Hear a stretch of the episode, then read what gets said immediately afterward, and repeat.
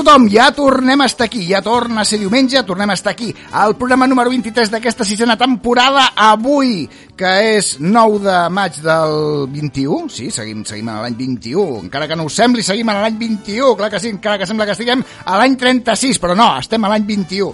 Doncs bé, avui que ens ha passat moltíssimes... Ah, per cert, hem apretat el botonet però no funciona. Segueix sense funcionar aquest botonet que us posa aquest cel tan meravellós que posem aquí a sobre de Sant Antoni de Vilamajor. Mm, bé, jo és que ja vaig llançat avui perquè avui anem carregadíssims, carregadíssims de coses. Per exemple, ens hem despertat que Esquerra ja ha dit prou i ja està bé de cedir a les pressions de Junts. Doncs si Junts són uns irresponsables, ells mateixos. Queda clar que Junts és l'herència d'aquella convergència de caciques que deien que juego yo, rompo la pelota. Doncs bé, doncs Junts no ha sapigut acceptar que han quedat tercers i no han sabut estar a l'alçada que reclama el país en aquests moments. Fer xantatge no és negociar, no senyor, no ho és. I m'agradaria que tots els votants i simpatitzants de, i militants de Junts eh, pensessin què dirien en el cas de que Esquerra hagués fet, que mai ha fet, aquest xantatge a la governabilitat del país.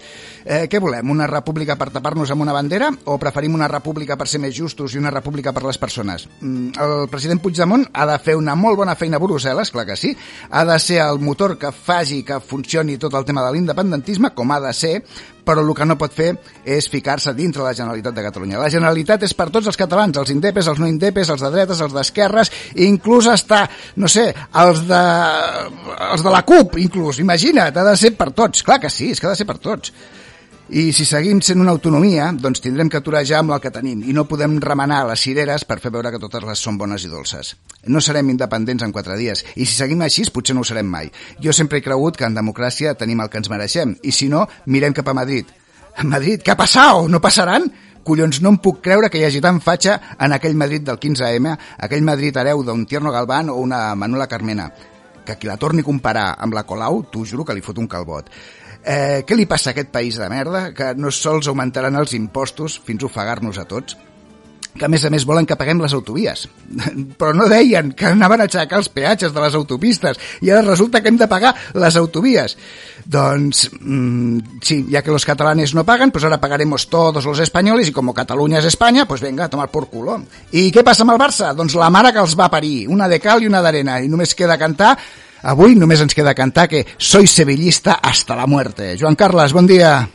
Què tal, senyor, com estàs? Doncs mira, ja veus una mica cremadet, cremadet amb tot el Sí, que ens està passant. Que, eh? És que ens passen moltes coses, tio, és que és, que és, és terrible, és, que ens, és que ens pujaran els nans un dia d'aquests. Això dels peatges és una entrada com una catedral, eh? Això, això jo t'ho juro que no ho entenc. Vull dir, ens deien, Sí, sí. ara aixecarem tots els peatges, l'AP7 ja passarà a ser vostra, Jo, jo ja estava emocionat, tio, perquè el Sí? 31, ja estava comptant els dies. El 31 d'agost s'acaba, tio, ja no tindrem que pagar res més. Doncs mira, per anar, de, de, nosaltres passem de Barcelona, de, si hem d'anar a Barcelona, tenim dos peatges. O sigui, i, i deixàvem de pagar-los. Ara continuarem pagant aquest, aquests peatges per anar, per anar a Barcelona. Jo, jo ja no puc anar a Barcelona, eh? Ah, no? Per què? El cotxe que tinc ja no puc Ah, anar. ja no et deixen. Tinc Vale. una trotineta una miqueta Home, però és que velleta, vas- pobreta. Però és que tu vas I- contaminant, tu vas contaminant, i aleshores el contaminar, el contaminar és el O que jo passa. ja trobo bé que no m'hi deixin anar. Eh? No, jo que sí que vaig veure, quan vaig estar a Barcelona, l'última vegada que vaig estar fa, fa uns quants mesos, eh, doncs aquests carrers que són peatonals, això Sí, ho trobo fantàstic. sí, Això ho trobo fantàstic. Vull dir, ho, ho vaig trobar meravellós. No hi havia Eh? trànsit, vull dir, la gent podia passejar tranquil·lament. Ho vaig veure molt bé. No sé tu com, com ho veus. Jo, estèticament és una merda, eh, és la meva opinió. Estèticament. I, bueno, que fa la funció que té que fer, doncs sí, això sí. Però, bueno, no... O sigui... Eh, aviam, aquí hi ha un canvi de paradigma total. Les ciutats han de ser de les persones, no dels vehicles. Amb això estic completament d'acord, també. Vale?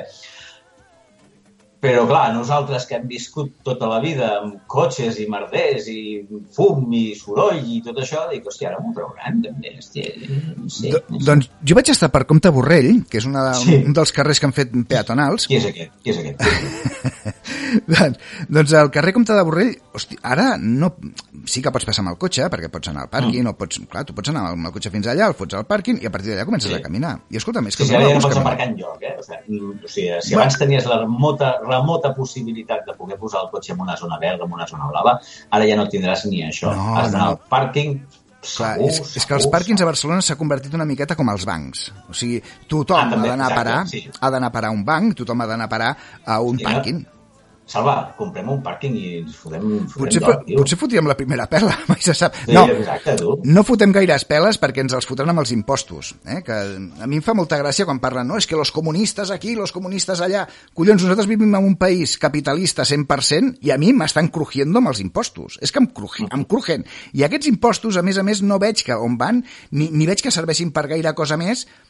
Ara et diré, ara et diré el que la gent no pot dir mai dels impostos. Digues. Eh, que a mí me han devuelto, que me han devuelto. ¿Eh? Me han devuelto porque te han cobrado de más, hombre. No porque, te, no porque son así de magnánimos. ni que- Exacto, hombre, No, no. imposible. I aquest any, i a més a més aquest any, fan una, una recaptació especial que amb tot el tema de, dels ERTOs, o sigui, una cosa que és incomprensible és que l'Estat et dongui uns calés perquè tu puguis sobreviure i, a més a més, després et cobrin uns impostos sobre aquells calés que el propi Estat t'ha donat. És, és que no hi ha res més imbècil que això. Jo no sé si ho he, ho he explicat alguna vegada, que diria que sí, però us ho explicaré totes les vegades que vulgueu. Esteu pagant al redador d'un 25, 30, 35%, eh, això la, la gent que té un sou normalet, amb impostos directes a la renda, però és que cada dia esteu pagant el 21% d'IVA amb tot el que compreu. Amb la qual jo que he fet els números, més o menys, jo estic mig any treballant per pagar impostos i l'altre mig any per tirar endavant la casa meva. Casa meva.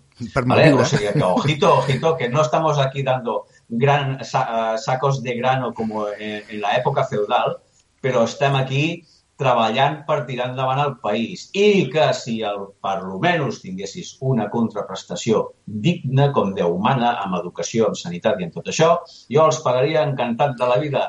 Però és que ens els foten davant dels morros. Això no té cap nom. El, jo, Uf, mira, ja l'únic... posat nerviós, eh, tio? Ja has aconseguit, eh? No, però l'únic que discrepo amb tu és que la sanitat i l'educació la tenim bastant bé.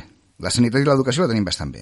Jo això discrepo amb el, amb el que has dit. Hi ha moltíssimes mancances de molt tipus. acabes de dir? Com de sentir alguna infermera, fliparàs, eh, nen? No, però, però aviam, no, no, no, T'explico que el sí. principi de l'estat d'alarma, que la sanitat la tenim bé. Va, Aviam, home, no, va, no, no que la sanitat la tenim bé. No, no, Joan Carles. Va, Vol, no, el que et vull dir, el que et vull dir que és un dels pocs països del món on tu et poses malalt i, i t'atenen i no has de pagar un duro. Vale? Bueno, estàs Sí. comparant-te amb Estats Units. Amb Estats Units, vale, d'acord. No, no, Però, perdona, a França, a França, perdona, a França la meva mare es va fotre un trau al cap i li demanaven 4.000 euros per fotre-li 4 punts, eh? Que la meva, la meva mare... És estrangera. Bueno, per lo que vulguis, però aquí ve un francès. Home, No, no, no, Joan Carles, és que aquí ve un No, francès... és una persona que està de pas. No, és, és igual, però aquí No ve un ni francès. amica, Ni, ni, no, no, Eh, no, Joan Carles, no, no, és que a mi m'ha Parlant passat. de la gent que viuen allà, tio. No, no, no, t'estic parlant. Una persona, ve un turista aquí, es cau, es fot un trau, li arreglem la cama, li posem tot, no li cobrem un duro, perquè no se li cobra un duro, i se'n va cap a casa seva. A França, la meva mare es va fotre un trau al cap, li van fotre 4 punts, i entre la radiografia, els 4 punts i no sé què, li demanaven 4.000 euros. Saps què va fer ma mare? Va dir, uy, no me he hecho nada, es va començar a treure els embolicalls del cap i va dir, no me he hecho nada, me voy, me voy. ¿Cómo que se va? Sí, sí, me voy, me voy. I, collons, es va treure els punts allà mateix. Vull dir que, toma, te devuelvo los puntos. Clar, és que dius... I això passa a França, és el país d'aquí al costat. Per això dic que la sanitat, sí, que hi ha moltes mancances a les enfermeres, hi ha moltes mancances amb els metges, però nosaltres, que estem pagant uns serveis, com a mínim tenim aquests serveis. I això és Però, és cert. que, però escolta'm una cosa, no, no és cert. Sí, perquè home. tu vas a la universitat i et carreguen 4.000 euros per fer la, la, la, la, la carrera més tonta del món, tio, Sí, no, no, fotis. Sí, sí, sí, que sí, que. L'ensenyament tindria que ser gratuït. L'ensenya... No, Sí, no, però no, l'ensenyament... no Perdona, un moment. Joan Carles, un moment. L'ensenyament és gratuït fins a arribar a la universitat. Quan arribes a la universitat és de pagament. Això hem d'aconseguir-ho bé. Doncs cony, sortim al carrer. Mira què estan fent els, de, els, els colombians. Porten 15 dies sortint al carrer cada dia, tu, i aquests no paren de sortir al carrer, i fins que no aconsegueixin tirar aquell govern no pararan. Aquí no, aquí ens cansem. per tu, casa teva? Tu vols això per tu, casa teva? Sortir al carrer a tirar tiros i a tirar pedres Però, a Joan Carles, no es tracta- Bueno, ja ho hem fet alguna vegada, no? I així se'ns ha anat. No es tracta de, de pagar tiros, ni es tracta de sortir al carrer a, a matar res, ni, ni fer res. El que passa... Com estàs comparant amb Colòmbia, pues, no m'ho compares amb Colòmbia. Perdona, però és que Colòmbia no és, un, no és cap mal país, eh? Colòmbia no és cap mal país, estem molt equivocats. Ens pensem que és un règim d'aquells que... No, però és que Colòmbia està Colòmbia funcionant, és un país que Venezuela està el que han funcionant. aconseguit és que els hi vinguin els americans i els hi fotin tot. Això és el que han aconseguit. No, I jo crec ells, que hi ha- hi ha molta- hi ha- hi ha no molta- duro. Els polítics estan banyats a mort, però a la gent del carrer no tenen ni un puto duro. No, però no està I si no, funcionant mira. Venezuela, tio. No, eh, tu potser m'estàs parlant d'un altre país, m'estaràs parlant potser de Paraguai o m'estaràs parlant, jo què sé, Venezuela, de Venezuela, Bolívia, de... Venezuela, Venezuela, No, Venezuela. És una altra història. És que Venezuela... ta- Clar, eh, Cuba. Vinga, parlem de Cuba. Què hagués passat de Cuba si no hagués sigut el bloqueig? No, no, No, no, no, no de Venezuela. Venezuela té un bloqueig. Parlem, parlem d'aquí, parlem d'aquí. No, parlem de Venezuela. Venezuela té un bloqueig. Aquell bloqueig econòmic que té Venezuela l'està permetent seguir endavant o l'està tirant enrere? Tenen problemes molt greus. No han sapigut administrar-se? Vale, estic d'acord. És el seu problema. Ells han de sortir al carrer i ells ho han de solucionar. Però tenen Sí, un la- bloqueig. Tenen la un classe bloqueig. política s'han portat tots els quartos, home, no fotis. Bueno, La classe política s'han Joan portat Carles, que nosaltres- nosaltres ho veiem. Històricament. però Joan Carles, nosaltres ho veiem des d'aquí molt esbiaixat, eh? Per això ha tingut que vindre un bolivariano aquí, com és el Maduro, a poner mano dura, que vaya, vaya merda de tio, també, perdoneu, eh? però, eh, hòstia puta, és que això no s'aguanta per enlloc. És a dir, surten, se'n van de la merda, perquè ara salen del fuego perquè les braces. No salen de les braces perquè el fuego, no sé. No, però, però, però, això, analitzeu, però analitzeu fredament, analitzeu fredament. Aviam, què hagués passat en Venezuela? Un país ric en petroli com és Venezuela, vale? que han intentat in- instaurar un sistema socialista, o van intentar instaurar, i els americans els hi foten un bloqueig. Vinga, allà no pot entrar absolutament res. Però, Va, hòstia, però- com ho però- soluciones? Vinga, imagina que aquí ens tanquen les fronteres, ens tanquen les fronteres i diuen ara no pot entrar nada de fuera. Només consumir el producte interior. Tot això comença, comença molt abans, no fotis. Com que comença dir, molt abans? Venezuela és un país pobre que resulta... No, que Venezuela comença era el país més ric, que Venezuela fer- era el país més ric de Sud-amèrica. Deixa'm parlar, tio, deixa'm parlar. És un país pobre que comencen a fotre forats i diuen hòstia, aquí tenim petroli per tot arreu. Hòstia, però no són capaços d'explotar-lo. Doncs que vinguin els americans i l'explotin ells. Puta mare. Vinga, a fer forats els americans i a emportar-s'ho tot cap a casa seva, pagant 4 duros en el país i, a més, aquests 4 duros se'ls queda la classe política. Doncs de puta mare, segueixen sent... No són més pobres que... Són més pobres que abans. Vale, aleshores arriba el, el Hugo Chávez, no? I aquest Mm. senyor el que intenta fer és fer això més just. Ens agradarà més o ens agradarà menys, eh? Vull dir, jo no, no entro a discutir-ho. Intenta que això sigui més just. Intenta distribuir-ho una mica més entre les classes de Venezuela. Que per almenys aquests calés es quedin allà. A partir d'aquí hi ha un bloqueig i a partir d'aquí aquest país se'n comença a anar a prendre pel sac. Després hi ha un tal Maduro, que era un tio que portava un autobús i que el foten de president del govern i aquest tio no sap per on tirar. I, i és, és un tio que és, és un desastre políticament, és un desastre. Només fa que queixar-se. No, queixar-se i que a més a més no se'n sap sortir, no, no sap sortir-se en aquest home. Però el problema, el gran problema el tenen ells i ja, i ja s'ho solucionaran. Però és que les injeccions exteriors o tots els problemes ex externs que han ajudat a que això se'n vagi a fer punyetes és molt fort. Bueno, aquí tenim ara un bolivariano que també s'ha anat a la merda, no? Diuen? Jo crec que és una, és una llàstima que, que És una gran pèrdua. Jo crec que sí, jo crec que sí. I és que, a més a més, és un polític que se'l tatxa de comunista, Pablo que té Iglesias, una... eh? Estamos hablando sí, de estem parlant... És un polític O que és, és lamentable bé que s'ha pogut comprar una casa com la pugui tindre jo, en una zona potser més privilegiada, perquè el tio Sí, es aquest guanya... Els... comentari a mi no, ja el vas fer l'altre dia i no tampoc estic d'acord. Eh, Joan Carles, Casa sí. com casa teva no és, tio. Joan Carles, però aviam, però ell l'ha robat? Ha robat aquesta casa? No, no, no, evidentment que no. Per això, per això vull dir, però que no, no, no, no et comparis amb ell. No, no, no, no hi ha res, no té res a veure, per, no, perdona, eh? jo, jo, no estic, jo no m'estic comparant amb ningú, ni, ni vull, ni vull comparar-lo amb mi. El que estic dient és que és un tio que treballa, guanya els seus calés, treballa, guanya els seus calés, fa els seus xanxullos o el, que- o el que li vulgui per, per sobreviure o per tindre el que ell vulgui, i què passa? Que tothom li diu, no, és que has de dividir tu casa en dos, perquè la gent no té ni puta idea del que és el comunisme, és que no tenen ni punyetera idea del que és el comunisme. Això d'entrada. Aleshores, aquest Hem senyor... de fer una classe magistral. No, clar, és que, és que és veritat, és que potser si no expliquem com funciona el comunisme, una altra cosa és que el Clar, comunisme es si t'ho pugui portar a terme. Si t'ho ha d'explicar la dreta de Madrid, no ho portem gaire bé. Per això... No, és que la dreta de Madrid, tal com s'explica, veus, acaben guanyant les eleccions. És que... És... Libertad. Hòstia, vas veure ahir, tio? A les 12 ja van començar a haver-hi festes pel carrer, eh? Déu-n'hi-do. Mira, Muchas el, el Carlos m'està passant, m'està passant les fotos, el Carlos m'està passant les fotos del xalet que té el, el Pablo Iglesias a casa seva. Hombre, sí, es más bonito que mi casa, la verdad. però bueno, Sin desmerecer, eh? Sin desmerecer. però, però, escolta'm, però se l'ha guanyat ell, tu, se l'està Sí, currant. sí, que sí, amb això estic d'acord. Ja està, és que res a dir. És que és com el, Home, el meu i veí té la casa la- més maca que la meva. La de bitllets també, que, que té un casoplón d'aquí t'espero, ¿no? El qui, perdona? El?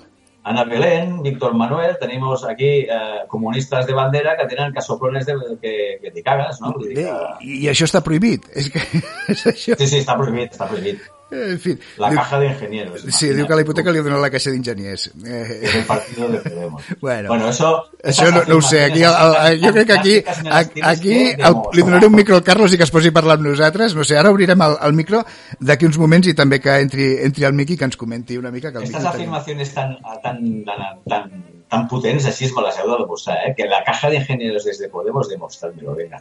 Porque yo tampoco- Carlos, has de buscar... Mira, el Carlos està buscant, diu, sí, sí, jo te lo demuestro. Sí, sí, perquè ell treballa a la caja de...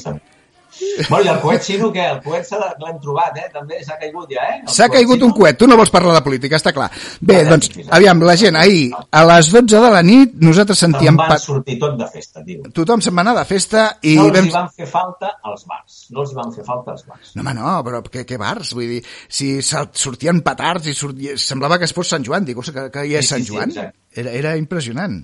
Fer un botellón como, como vamos, de, de, de manual, eh? De manual. Ja t'ho he dit alguna vegada el, el botellón el vaig inventar jo i els meus amics. Ah, sí? El vau inventar tu i els teus amics, el botellón? Ah, Als anys 80 jo ja feia botellón, tio. ah sí? Ah, mira, escolta'm, jo- jo on t'estic una terrasseta d'un bar, deixa d'estar de botellones i d'històries. Sí, sí, sí. sí, és molt cutre fer botellón, què vols que et digui?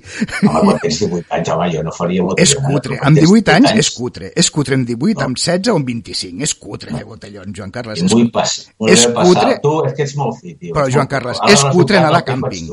No, Joan a Carles, és cutre anar de càmping, és, és cutre fer un pícnic en el bosque, és cutre anar de tu sí O sigui, perds coses petites que donen molt la vidilla a la gent. Però, Sembla Carles, ser- que- el que- càmping està de puta mare si tens nens. El càmping és una El merda. cutre ets tu per no vulgarina. O Perdona. per no haver anat mai, que no sabràs mai el que és. Mira, un lloc on no puguis cagar a gust, això és una merda. I en un càmping no cagaràs mai a gust. Va relacionat, va relacionat. Home. La merda amb la cagada, sí. És que és veritat. Ah, no, home, tu, però, És però molt tu, aquestes, insisteixo una vegada, aquestes afirmacions tan dràstiques, o sigui, tu has de tindre en compte que quan fas una afirmació d'aquestes estàs ferint a molta gent, tio. Home, no, però- Molta gent. Hi ha molta gent que li agrada el càmping, hi ha molta gent que li agrada anar. És que hi ha molta gent cutre, Joan Carles, hi ha molta gent cutre. I si és cutre, és cutre. Escolta'm, no, no, no hi ha res. I Mira, ens està posant una, una, un link al Carlos que ens està dient que la Caja d'Ingenieros és la que patrocina a Podemos, és la que està patro, eh, patrocinant, no. És la que finança les campanyes de Podemos. Bueno, eh, la sí. Caixa finança el PSC. Caixa- Al final, si nos ponemos así, si nos ponemos así, alguien tiene que financiar a alguien aquí, ¿eh? No, no, però ell, ell diu que s'aprofita de que li han donat la, la hipoteca des d'aquí perquè, bueno, una cosa porta l'altra. Jo, a mi em costa creure eh? jo crec que... Jo, jo confio molt en Pablo Iglesias, no sé per què, és un tio que... No, no és que em caigui bé, però, però és un tio que el veig honest. De la mateixa manera que confiaves en en Pujol, oi? No, jo no he confiat mai en el Pujol. Bueno, eh, no et puc dir mai, mai, tampoc, però no, recordo els poc. teus dies de militància a Convergència i Unió, si vols. Sí, perquè jo vaig començar amb la JNC. Ah, jo vaig començar amb la JNC. Bueno, perquè no hi havia Esquerra a Castelldefels en aquells moments i vaig començar així. Ah, sí, llavors me vaig agafar el primer que vaig trobar. Vaya ideología que tenemos. Madre de Dios. Madre. Sí, però el dia que vaig conèixer el senyor Miquel Roca vaig dir, ui, aquí s'ha acabat això. El senyor Roca Xunxi... Bueno, Dios. que- Mare de Dios, Déu. Que em queia bé, tio. Et queia bé el senyor Roca? Doncs pues mira, jo hagués, hagués tingut que tindre aquella reunió que vaig estar jo, que van començar tatxant a gent de la llista que portava. I va... I, és, I era ell els que tatxava. Sí, sí, tu tatxava tenia- ell de la llista. No, no, sí. tu li portaves Vostè la no, vostè no. Sí, sí, no, aquests tres no, aquests tres no. Llavors aquí posarem aquests d'Unió perquè si no se'ns enfaden, diu, i aquests d'Unió d'on surten? Sí, sí, A- algo era així, hauria era així. hauria O sigui, no hi havia res més antidemocràtic que un partit polític en aquells moments. I no sé si encara... Bueno, jo ara estic afiliat amb un altre partit polític, però Sí. no funciona així, no està funcionant així. Sí, sí, sí. Eh, I em sento molt orgullós del partit polític on estic, però bé, això és una altra història que ara no, no ve. És que trobo que no fa falta. Ah, Escolta'm, eh, dic que conste a mi que me cae bien Pablo Iglesias, però m'ha decepcionado su incoherencia. Això m'estan dient el, m'està dient el Carlos, que li ha decepcionat la seva incoherència. Uh, afegim el... Miqui, no sé si estàs per aquí, que ens estaves Sí. escoltant. Miqui, Hola, que em sentiu? sí, que et sentim. Et donem una miqueta Hola, de pas? Miqui. Et donem una miqueta de pas, bé. allarguem una miqueta aquesta secció, així et trepitgem una miqueta la teva i així eh, fem una mica de, Ah, de ja menatge parlarem de cine, ja, ja parlarem de cine. Ah, al final, al final poses la teva, la teva, el teu granet Mare de sorra, Joan Carles. Sí, sí, sí. Vinga, jo, jo abans que m'oblidi, el tema de, ca- de la Caixa Enginyers, preguntaré al José Carlos, la, ca la Caixa Enginyers és molt abans de Podemos, penso. O sigui, en Sí. tot cas, eh, no, no pot pertànyer a Podemos perquè és prèvia a Podemos. No, però... Que és, no, no, no, no, no, és que, no és que pertanyi, és el que passa que finança, és, és, és l'entitat que finança. Tots els partits polítics estan finançats d'una manera o altra, teòricament d'una manera legal. I la manera legal aquesta, en, aquest, en el cas de Podemos, és la Caixa d'Enginyers, és la que està finançant Podemos. Jo sí que sé que totes les, totes les entitats socials defensen la, ca- la caixa d'enginyers i que sempre s'ha considerat l'única caixa, l'única banca abans de que sortís Fiare, tota aquesta banca ètica, que és la- la- la- l'única que et podies refiar realment, que És- no era I és que una banca, de- banca i ètica, mm, no. A la mateixa frase, no. ¿Cómo raya, no? ¡Se rompe! Esto no cuadra mucho, no cuadra mucho. En fi, eh, tu que ets un activista, Miqui, com, com veus eh, eh, això que... Jo, jo veig molt noble que el Pablo Iglesias hagi dit prou, fins aquí ja estic fins al gorro de política i ja us ho fareu. Jo crec que a vegades, sense voler, tots sentenciem molt, no? I no coneixem la realitat de les coses. Jo tampoc la conec. Jo conec a la gent amb la que he treballat aquí, que és molt propera, és molt semblant a la, de, a la propera del Pablo Iglesias. Per tant, el que puc dir és que gent que està a la política per intentar canviar les coses i millorar. Uh, M'ha sentiu, no, encara? Sí, sí, sí, sí. sí, sí. sí. Ara que perdo la vostra imatge. Uh, llavors, eh, jo posaria amb el foc per Pablo Iglesias amb les errades que pugui tenir. Crec precisament perquè ha sigut una figura que ha començat a treure el cap, que s'ha anat a per ell fins que s'ha aconseguit fer-lo fora. Eh, ell, de forma, diguéssim, eh, honesta, ja no sé si brillant, perquè al final crec que no li ha sortit gaire bé la cosa, ha aconseguit apartar-se deixant el seu partit eh, tocant poder una miqueta perquè no vagin, bueno, perquè si van a per ell, doncs mira, jo em surto però deixo el meu partit El col·locat. que, el que ha passat aquí també veig jo és que, bueno, Podemos va, ser, va començar sent una cosa, llavors ell ha anat perdent pistonada a poc a poc, poc a poc, poc a poc. I tant és així que resulta que el partit que s'ascendeix de Podemos, que és Mas Madrid en aquest cas, una miqueta, amb el, amb el, el Íñigo Barrajón, si no recordo malament, hòstia, fot més bons resultats que ell. Amb la qual clar, vull dir, aquí també el deixen una miqueta tocat, no? Bé, però hi ha hagut, hi ha hagut, jo crec que hi ha hagut una cosa i, i derribo contra aquesta persona. La dreta amb això en sap molt. L'esquerra no en sap tant. És a dir, la, la dreta, si, l'esquerra si es posa d'arribar algú, no té el mateix poder que la dreta. La dreta, hòstia, eh, jo què sé, en Pablo Iglesias se'n va perquè, bueno, doncs perquè ell vol, perquè està cansat. Una miqueta, diria, també, per resultats, també, quan va marxar el, el que feia, el que estava abans a... Hòstia, no me'n recordo. Els Ciutadanos, com es deia el tio P. El Rivera. Rivera, en Rivera. Però clar, la manera de marxar també és una miqueta diferent, no? Vull dir que sí que és veritat que en el, en el Pablo doncs, mm, han anat a per ell, a per ell, a per ell, i personalment, que cosa que va ser difícil de portar, i en Rivera pues, bueno, va marxar per uns mals resultats i va dir, bueno, hasta aquí llegado, ja això ja no tira, i potser va ser el més intel·ligent en deixar el barco en el moment en què el va deixar, perquè Bé, com a eh, mínim- Ciudadanos ara mateix se'n va a la mierda. Com a, com a mínim han sigut persones coherents en el sentit de dir que són persones que no volien viure de la política exageradament o no volien... Exacte. Aleshores, Sí, sí, doncs sí, han sí, demostrat que, bé, que, que hi ha una vida fora de la política. El, el Albert Rivera no tinc ni punyetera si sap fer un, una, una, o, una O amb un canuto. No tinc ni idea, em Uah, sembla que no. jo estic segur que sí.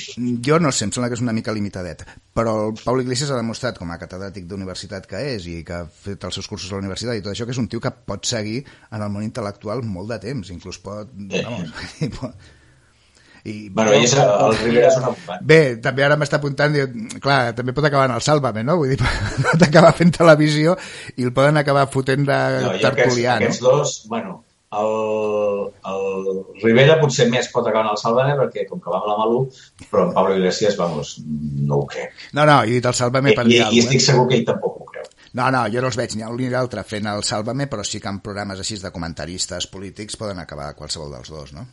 Mm, Jo el, sí. el, que, el que us volia comentar sobre Ciutadans, crec que ha quedat força clar que era un partit de dretes, malgrat que ells eh, deien que no, per activa i per passiva, que era només una cosa de l'idioma català, que no deixava eh, l'idioma castellà viure en pau aquí a Catalunya i que tal, i que era de justícia tal i que qual.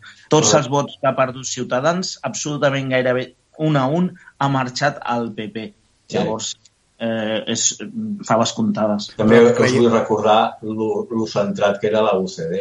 Eh? Us en recordeu? Era molt centrada, era un partido de centro. Vull dir, sí, jo me'n recordo de la publicitat que s'hi feia en aquell moment, jo sóc bastant grandet i me'n recordo de la primera campanya d'en Suárez, i nens, Bé, donaria, donaria, somos un partido de centro. Donaria per un programa, eh? Que quan era petit em podien enredar, vale? però ara ho veig i dic, o sigui, això de centro no tiene nada, vamos. La, la, primera, la primera campanya d'en Suárez en donaria molt que parlar, eh? Vull dir, va ser una mm. campanya que va estar... que suposo que encara s'està pagant en petrodòlars en els àrabs, perquè... Igual que el primer ordinador que vam vendre tu i jo, eh? Sí, més o menys, que encara el deuen estar pagant, aquell ordinador. Segur que sí. Mare de Déu. doncs, no, en el, en el cas de, de Suárez, eh, aviam, aquí va ser... Aquí sí que l'emèrito va tindre molt a veure i va demanar calés a on no devia demanar calés per poder finançar aquestes, aquestes campanyes. I... No hay nada más que ver la descendencia que ha tenido. Eh, sí, bé. no sé. No ho sé. No hace falta decir nada. Però vosaltres creieu que en el cas de Ciutadans aquí a Catalunya passarà el mateix? Jo crec que aquí continua tenint el vot d'aquella persona que és catalan, catalanofoba dintre, no. de, dintre del nostre país, no? No, ja s'ha acabat, el discurs aquest s'ha acabat de Ciudadanos. Vols dir que... Jo crec que Ciudadanos, o... és a dir, té que marxar les rimades, té que marxar tothom, i després què passa? Que no hi haurà ningú amb carisma. Amb prou carisma compartirà el partit endavant. Però Perquè aquest, aquest si va... hi ha que dir alguna cosa és que Arrimadas i Rivera, malgrat ens agradi o no, tenen el seu carisma i s'han guanyat, se l'han guanyat en, Però... el, el Parlament de Catalunya primer i el Parlament d'Espanya després. Jo, jo havia vist l'Edmundo Val i aquest tio, home, el veia una miqueta centrat dintre, de, dintre del seu radicalisme, el, el veus una miqueta de dretes, però el veies molt moderat, un tio que la manera de parlar surt una miqueta de totes aquestes... L'Ayuso, com ha guanyat? Ha guanyat amb el sistema Rimades i el sistema aquest d'anar ensenyant paperets i anar cridant i anar fotent les ben fortes. Mm. L'Edmundo Val és un tio que ha, ha parlat... I ser bufona, creu... i ser bufona. Sí, també, no? Jo crec que això també continua donant vots, no? És que el Rivera és bufó, la sí, Rima és bufona... La sí, si, si votem perquè són bufons és que llavors sí, sí. no... Ens, és molt trist, mereixem, però... Eh? Sí. És molt trist, però jo, mira, jo em fixo molt amb això. Qualsevol país que veus que el candidat és bufó, dius... Malo, malo! Sí, sí. Malo, Home, perquè... la, la meva àvia... Canadà o què? Tipo com el Trudeau. No. Exacte, bueno, o, o, el mateix, o el mateix Sánchez, que, que no vol dir que no sigui gent preparada, però entre els preparats agafen el guapo o guapa perquè això està claríssim que acaba funcionant. Perquè un guapo o guapa no pot ser mala persona, etc etc. Uh, és molt frívol això que estic dient, eh? ja ho sé. No, no, no, però és però... cert, és cert. És que té una part de, té una part de correcta. No, no, sí, sí. Aviam, jo me'n recordo, la, la meva àvia votava, la meva àvia votava Carrillo. Ella no li digui si Carrillo era del PSC, del PP o de, o de Ella votava Carrillo. I que el Carrillo fotia anys que estava mort i ella seguia votant Carrillo. Feia el seu sex appeal, no? Sí, mira, no sé, eh, clar, això... En fi. Molt bé, molt bé. És el millor exemple del que jo estava dient, eh, el Carrillo, però bueno, sí. No, però clar, per la gent gran potser tenia el seu, el seu d'allò, no? Clar. I tant. Home, tu pensa que la proeza que feia el Carrillo de passar la frontera i entrar a Espanya, quan, quan no podies, com si era el Puigdemont es pelés el cabell per poder entrar a Espanya. Ell ho feia al revés, es posava perruques per poder entrar i es vestia de dona, no? I aquestes aventures, doncs mira, a la gent gran els hi feia, els hi feia gràcia. En fi, Joan Carles, si vols, o si vols seguir, vols parlar de, de cinema? Ja sí, canviem directament sí. cap a cinema, doncs vinga, entrem ja directament a cinema Miqui. i quan vulguis ja ens deixes o estàs amb nosaltres tota la secció, com tu vulguis. Res, jo us tiro, jo us tiro la pabreta i us deixo parlar. Ahir un segon, un segon, un segon, un segon.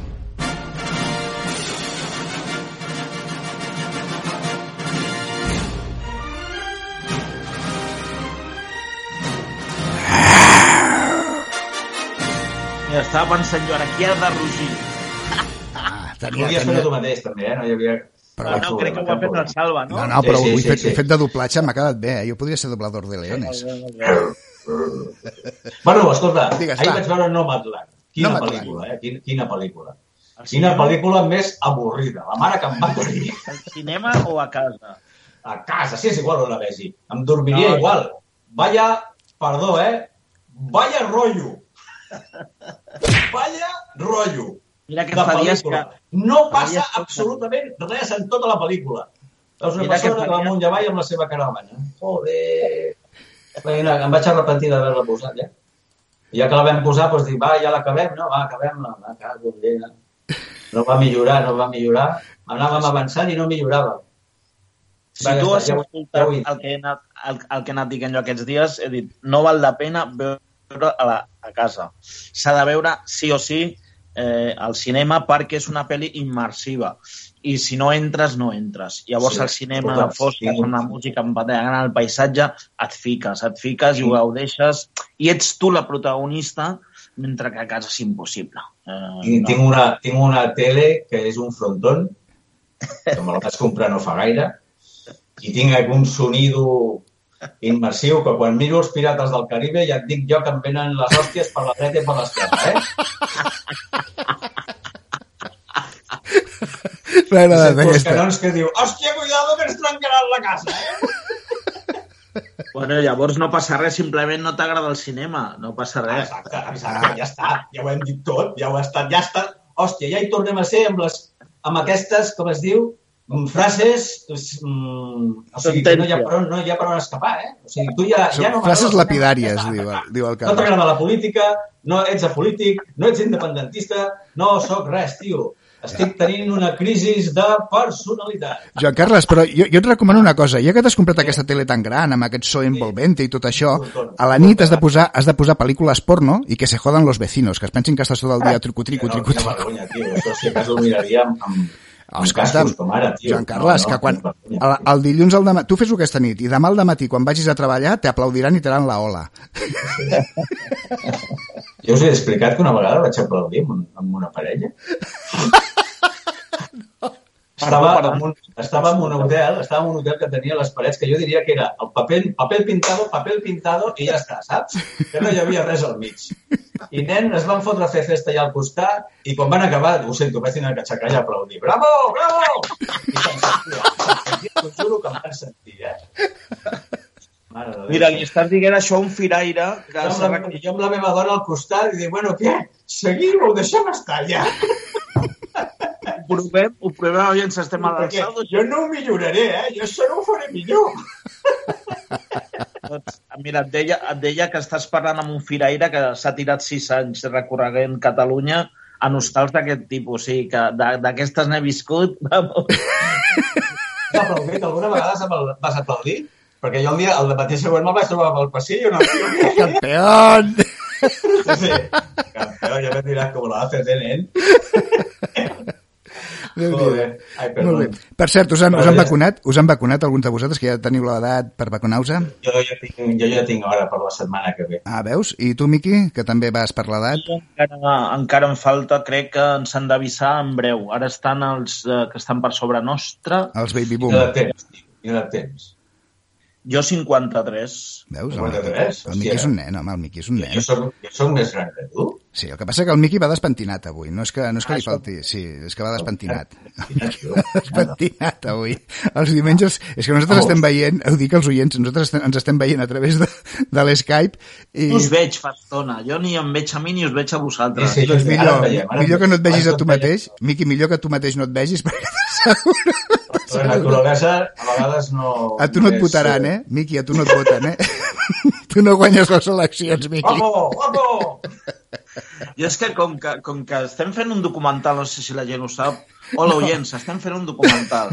Llavors, es tracta de sortir el més natural possible, no el més guapo. Llavors, clar, jo estic fent tal com seria la, la vida real. Últimament ja, abans no ho feia, eh, però últimament em dutxo, em poso camises guapes i tal, sé que feu un documental, hòstia, per almenys que surti com Déu mana, no? Sí, és veritat, és que el Joan Carles es posa està corbat, el punyetero, que tampoc cal, home. Però... No, però abans sortia en pijama, tio, ara no tinc collons. No, no, és veritat. Des que ens connectem per Skype i saps que et punxem, això no... En fi. Perquè ara, l'altre dia vaig veure aquí al costat radio está grabando la llamada. Digo, hòstia, tu! A mi em diu, s'ha habilitat el modo conferència, a saber la, la broma per quan sortirà tot això. Eh? No, home, no, que ho paguem nosaltres, ho paguem aquí des de la ràdio, ja ho sabeu. Escolta'm, tirem, tirem endavant, tirem endavant, eh, Miqui, hem de seguir amb el tema... És que si no quedarà sense espai. Et queden 10 minutets pel tema, pel tema cinema, el que vulguis dir de cinema. Vinga, carinyos meus. Vinga, Joan Carles, a la propera, la setmana que ve una miqueta més. Sí, senyor. Apa-li, adéu-siau. M'ho molt bé avui, una abraçada, guapos. Adéu. adéu. Doncs, Miqui, Mira, endavant, perquè si no, no tindrem, no tindrem temps. Mira, algun dia us he parlat de l'AFI, American Film Institute. Aquesta gent, el 1996, va decidir, com que celebraven els 100 anys del cinema, agafar a 1.500 experts i triar 100 pel·lis, ¿vale?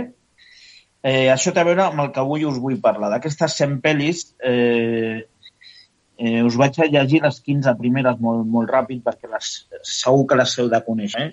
Ciudadano Kane, Casablanca, El Padrino, Lo que el viento se llevó, Lawrence de Arabia, El mago de Oz, El graduado, La ley del silencio, La lista de Schiller cantando bajo la lluvia, Qué bello es vivir, El crepúsculo de los dioses, El puente sobre el río White, Con faldas ya lo loco i La guerra de les galàxies, la primera de, diguéssim, que és l'episodi 4, però que és la primera. Uh -huh. Per què us dic tot això? Perquè aquestes 15 pel·lícules que són immenses, les teniu totes avui en dia a l'streaming. Si no a Netflix o HBO, sí que ho, ho teniu en els packs que venen amb aquestes cadenes de, de telefonia, sobretot, com us dic sempre, al TCM. Per tant, avui en dia eh, podem saber quines... Eh, o sigui, podem enamorar-nos del cinema, dels inicis del cinema, perquè en aquestes cadenes dic, ho teniu tot. Us he llegit 15, tinc aquí apuntades fins a 60, totes d'aquest estil. I totes les podem, és... trobar, les podem trobar en streaming avui en dia. Exactament. O sigui, que, que qui vulgui, qui sigui jove que ens escolti, uh, no sé, 20, 30, 30 i pico, que no hagi tingut l'ocasió de conèixer aquestes pel·lícules, avui en dia no hi ha excusa. Ens que, tallem... Eh, és que abans anàvem al videoclub, anàvem al videoclub i buscàvem aquestes pel·lis, no? Era el que fèiem. Ara ja, no, ara ja no ho fem, això. Ara podem connectar-nos no, no era fàcil, eh, trobar algunes d'aquestes que us he dit. Eh, pensa que estem parlant de moltes dècades, potser estem parlant des dels 30 eh, als 70 i pico, entre les 60 havia, havia triat Mujeres al bord de l'ataque de nervios, que seria la més actual, diguéssim, de l'any 88, uh -huh. però no són pel·lícules moltes fàcils de trobar i ara, gràcies a aquests canals eh, que es dediquen es, específicament a cine clàssic, doncs és una meravella, perquè és que, ho dic sempre, en un sol dia, en 24 hores, t'estan passant gairebé 12 pel·lícules. Uh -huh. Imagineu la pel·lícules que pots arribar a veure si poguéssim sí, dedicar-nos només a això en però, una setmana. No? Però és curiós, abans quan només teníem dos canals de televisió o tres canals de televisió, sempre veies la pel·lícula, sempre, no? com que era l'únic que feien, doncs tu te sentaves davant de la tele i veies la pel·lícula els dimecres o veies la pel·lícula dels dissabtes, no, no me'n recordo. Ara, que, que ho podem fer en qualsevol moment, inclús no tenim canal videoclub ni res, perquè jo al videoclub havia anat. Jo ara veig menys cinema que quan anava al videoclub, per exemple, no? Jo, jo la inversa. Jo, clar, jo he anat tota la vida al cinema, tota la vida al cinema. Cada, ja saps, cada setmana jo anava potser cinc o sis vegades. Sí, no, sí, sí. sí, no sí. sí, sí. Llavors, ara és, el, ara és a l'inversa. Això, com dic que no m'han lançat a veure al cinema, també penso que moltíssimes si estàs tranquil a casa, etc, pots veure-les a casa tranquil·lament. I és el moment ara en què puc revisar moltes d'aquestes que tu dius que feien el divendres, el dissabte a la nit, però o que ens enviaven a dormir o recorda que en aquella època nosaltres teníem 7, 8, 9 anys, eh, hi havia encara molta censura, uh mhm. -huh. amb la qual cosa hi ha rombos que no feien mai. Els rombos, sortien els rombos, que l'altre dia li preguntava als meus sí. fills, vosaltres heu vist alguna vegada això? I no sabien el que eren els dos rombos. Però mira, jo ara, per exemple, estic seguint el, el 2001 no és l'espacio, per exemple, jo crec que no la feien perquè estava censurada. Eh, la naranja mecànica, eh, l'he tornat... Havia vist trossets, però en programes de cinema, no a la tele la pel·li sencera. Però sempre hi ha uh, pel·lícules que jo recordo haver vist a la tele que em van impressionar moltíssim. Per exemple, una d'elles és El planeta de los simios, la versió del Charlton Heston. Aquella pel·lícula Aquesta... em va impressionar tant quan la vaig veure i era petit, era un criu. I la van fer per la tele, el sábado. Està reivindicant amb els anys, eh? i, i la, aquella primera versió era, era espectacular. Eh, una altra que me'n recordo, que inclús la vam comentar durant temps a l'escola, La gran evasió.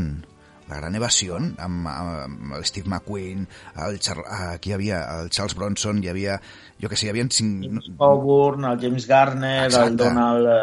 Eh, Jo que sé, Eh, estaven Dance. tots, estaven tots els, els famosos Ah, estaven en la aquella gent. pel·lícula i a part és una pel·lícula espectacular, vull dir, ostres, i, i saps, són pel·lícules d'aquelles que recordo haver-les vist i, i que, i que t'agradaven i que no volies que s'acabessin, no?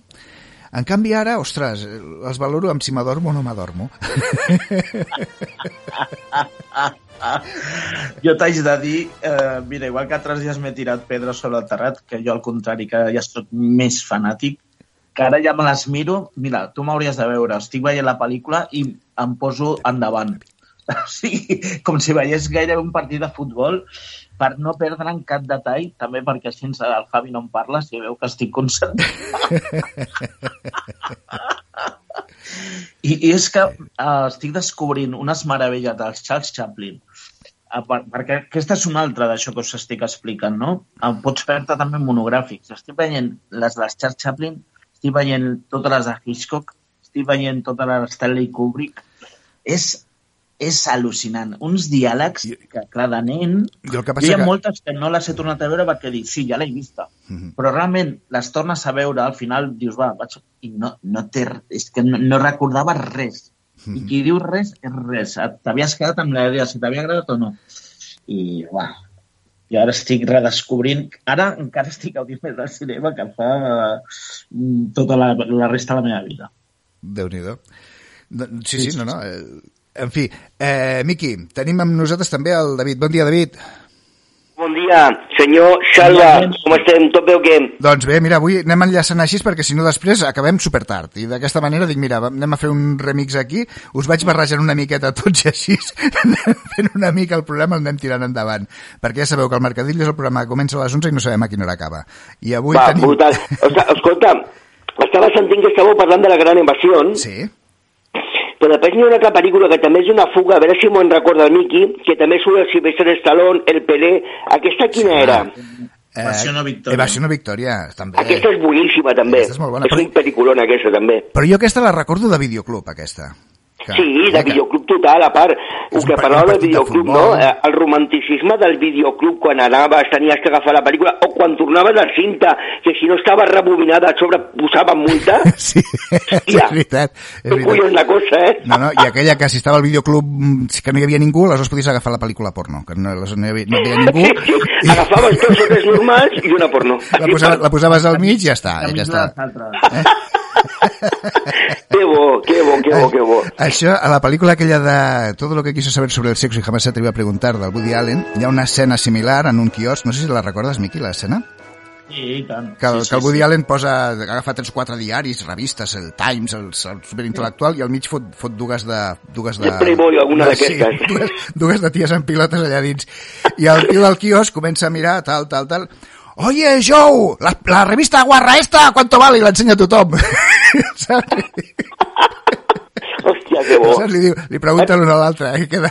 És, és veritat que avui dia tenim, tenim de tots, i qui tingui tots els canals aquests de Netflix, d'Amazon Prime, tot, però realment, com, com el romanticisme, no? com així dir-ho, d'anar al videoclub, poder escollir la pel·lícula, no? que aquesta anar tenint que fins dintre de dos dies no la tornen, òstrimes. Llavors és com si tinguessis més, més ganes de voler veure la pel·lícula, Sí, no? sí. O de, no sé, era una història molt diferent, eh? la veritat sigui dita. Miqui, jo recordo ET. Jo ET, em sembla que quan la vaig veure estava tan desgastada que, que va ser una pel·lícula que no em va agradar. A mi té no, no, eh, pensava que sí i la vaig tornar a veure de gran no fa un parell d'anys potser no em va agradar gens. Bueno, potser és això, igual era un rotllo. Però era aquella pel·lícula que sempre estava llogada, sempre estava llogada. Sí, sí, sí, Eh? sí, tant. Una- sí, tot això que dieu del videoclub, també, jo també ho he viscut aquesta. els darrers anys, abans de l'streaming, ho he viscut amb la biblioteca. Jo m'he m'he passat ara els dos o tres darrers anys abans de, de tenir canals d'aquests d'ara, en anar a la biblioteca i bé, allà també té la seva gràcia perquè hi ha moltes i vas triant i Sí. vas mirant i deixes la caràtula. Bé, té, cada cosa té la seva, no, el seu encant. Sí, sí, Ja sí. veus, ja veus. bueno, pues res. Molt bé, Miqui, anècdota, no sé, si, no sé si vols acabar amb alguna cosa, Miqui? Sí, amb una anècdota. Vinga, Això, eh, ja ho dic ara, no pot anar al documental, que ho veurà molta gent. vale, doncs, doncs ho tallarem, ho tallarem, no preocupis. Ara, ara que dèieu això, de petits, precisament amb el meu company de pis, amb el Javi, anàvem a un quiosc, bé, era una, era una botiga, una papereria, i fora tenia uns prestatges amb revistes.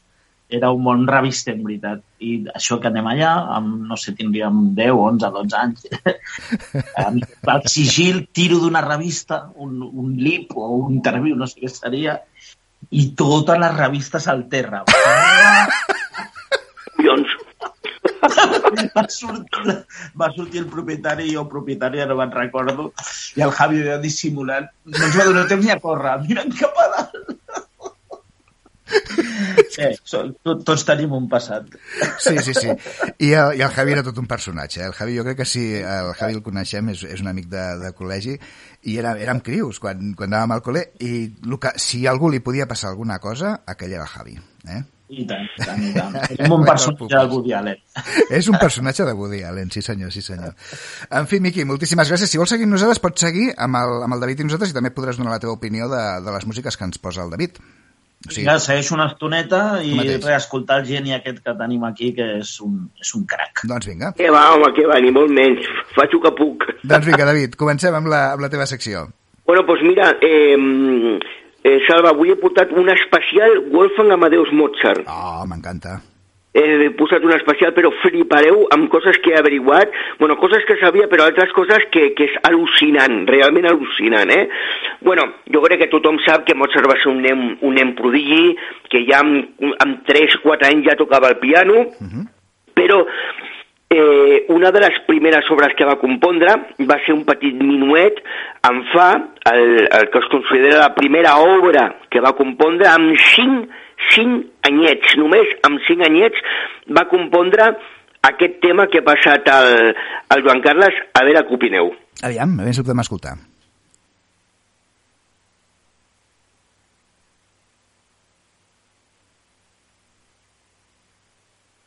Està mirant, eh?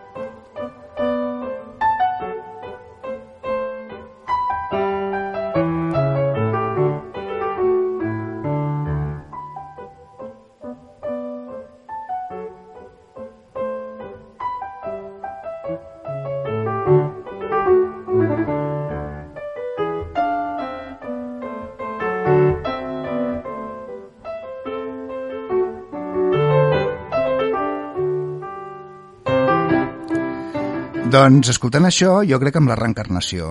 O sigui, això va ser un tio que es va reencarnar, Mozart va, es va reencarnar d'un altre, sí. altre músic, perquè és que si no, no té explicació, que amb 5 anys fos capaç... És al·lucinant, i no només això, que mm, sempre he dit que Beethoven va trencar molts moldes amb l'aspecte del classicisme al romanticisme, però Mozart, precisament, bueno, ja els fills de Johann Sebastian Bach, dels 24 fills que va tindre Bach, increïble també, eh, van trencar bastant, bastant amb la música i del barroc al classicisme, però va ser Mozart el que va ja di, diferenciar el que va ser la música de, del barroc, diguem, ja a la música clàssica, amb, amb els tempos i amb els i amb les tonalitats correctes, no? O sigui, si una tonalitat és en do major, per exemple, doncs després hi ha una, una modulació a la menor o una modulació a do menor i va venir uns canvis fins després tornar una altra vegada a do major, no? Com així dir-ho. Va fer una mica tot aquest efecte amb la música, no? Però és que és increïble que Mozart ja amb tres anyets la, la primera cosa de genialitat que es coneix va ser que va, va acompanyar la seva germana amb el piano perquè ell sentia la música de la germana com tocava el violí i, bueno, i la va començar a acompanyar com si aquí no passa res, com si hagués tocat el piano de tota la vida, o sigui, una cosa realment increïble. déu nhi i després ja va, compon, va començar a compondre, va ser aquesta la primera obra, però no només això, amb vuit anyets a l'any 1764 va compondre ja una primera sinfonia amb 8 anys, que és aquesta, que és amb mi bemol major. A veure què us sembla.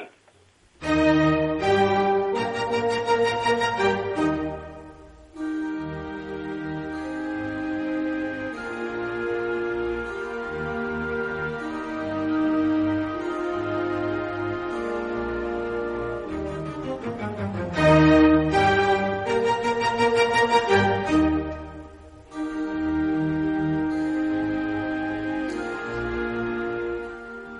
aquí no hi ha, no hi ha piano.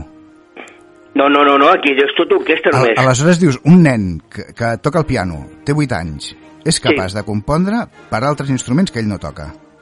Sí, sí, correcte, correcte. És increïble. Ja tenia la noció, diguem, de solfeig. És que abans de començar a llegir i a escriure, Mozart va com, ja va començar a fer música i a compondre música en partitura. I tenia un oïda absolut. O sigui, sentia una melodia i ja no se li treia del cap mai més. És increïble. Sabia diferenciar a qualsevol lloc, fos al terra, amb una copa, amb un cop a un armari, quin to era, quina tonalitat era.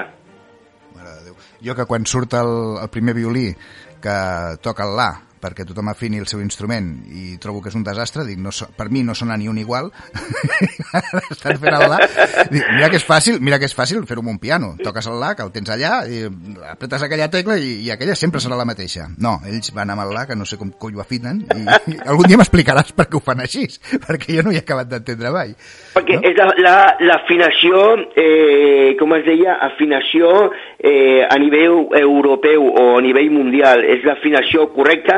No sé si n'hi ha un altre lloc que ho afinen d'una altra manera, però normalment a Europa ho afinen amb, amb la, la nota la, Sí, sí. perquè així ja tots els instruments ja estan afinats i saben que amb l'acord està tot perfectament afinat, etc etc. Sí, sí, és però, per però això que ho fan. seran ells, eh? perquè jo ja et dic, vull dir, tu sents aquell la i suposo que el deuen fer amb violí perquè la poden allargar el que vulguin, no, la nota? Sí, i apareix la que és 440 vibracions per, per, per segon. Ah, exacte, que un El dia... 440. Que un dia és el dir... 440, que és, diguem, pues, la, les vibracions, diguem, de... Repeteixo, eh? No sé si, eh, si és a nivell ara mundial o a nivell europeu i en un altre lloc ho afinen d'una forma diferent.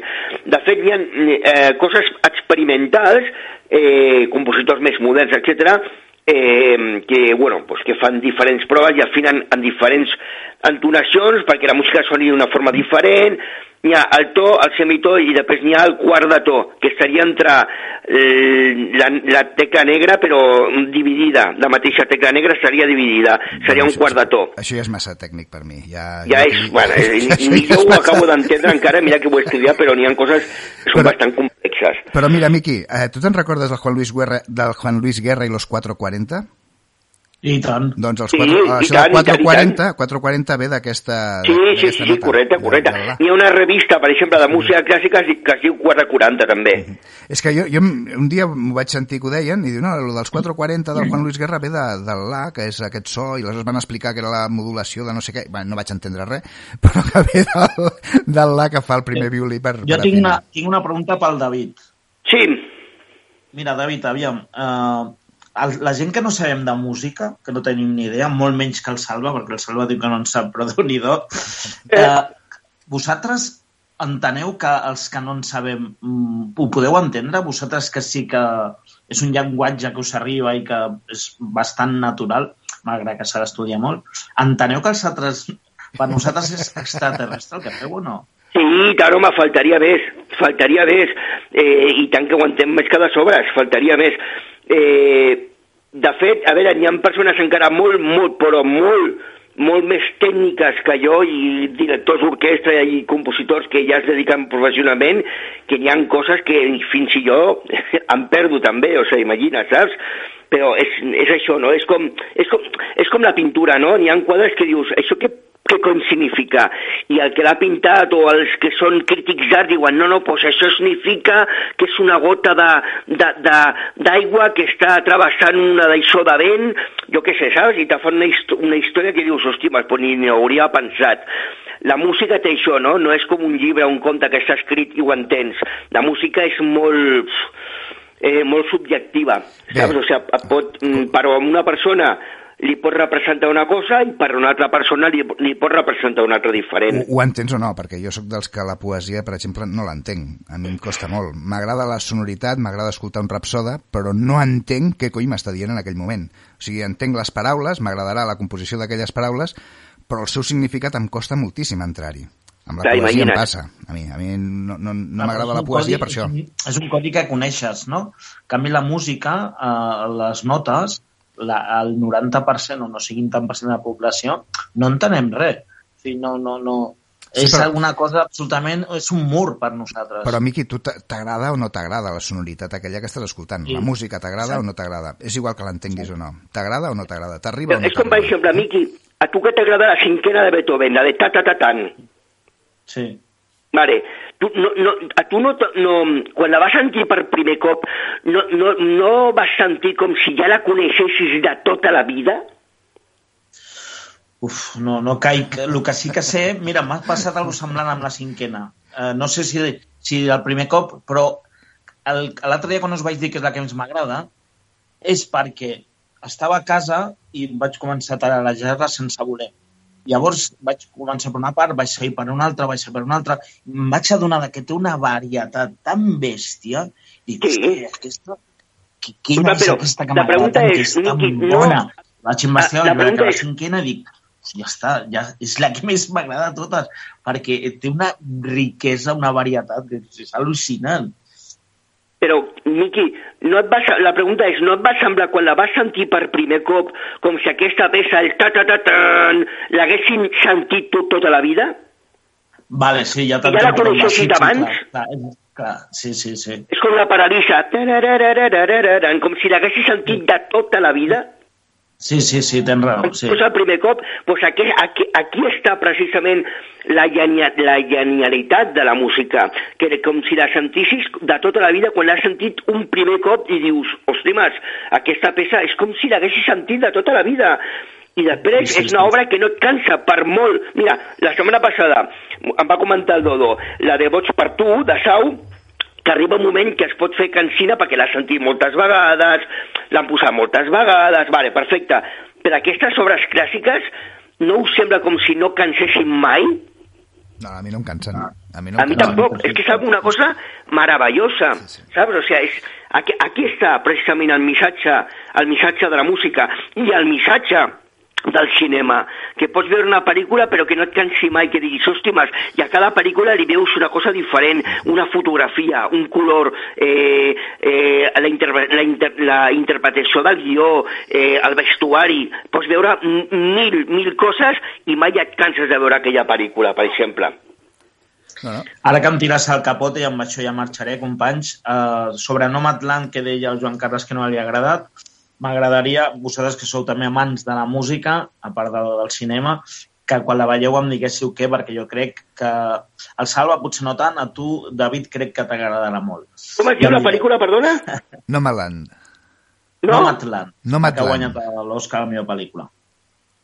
Vale, després m'ho envies per missatge per apuntar-me-la. Molt bé, guapos. Ho farem així. Bueno, Perfecte, bon programa. Vinga, Vicky. Eh, David, una abraçada. Ens has, ens has portat... Vinga, adéu, maco. Ens has portat algú, algú més, també.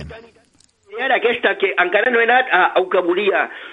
Mira, eh, he portat aquesta tercera obra, que és la primera òpera que va compondre Mozart, es diu Bastiana i Bastiana, però el més, el més curiós de tot és que el tema és semblant a la tercera sinfonia de Beethoven. Pensa que aquesta obra de Mozart va ser composta molt abans de la tercera sinfonia de Beethoven, però diuen que no va haver cap tipus de, de còpia ni res. Va ser una casualitat del destí. Aviam.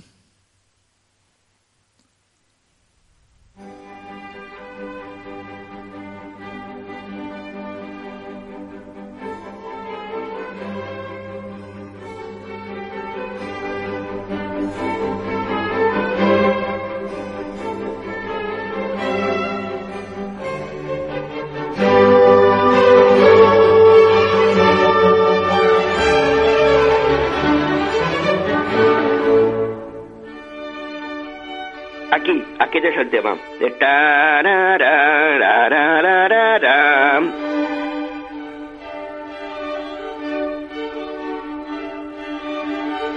És una meravella. Totalment. Pues aquesta va ser una òpera que va, la primera òpera que va compondre Mozart amb 12, amb 12 anys, eh, que té cor, té, bueno, té soprano, té contrato, etc. És una òpera, bueno, és una òpera infantil que és l'enamorament de, de dos pastors, vale?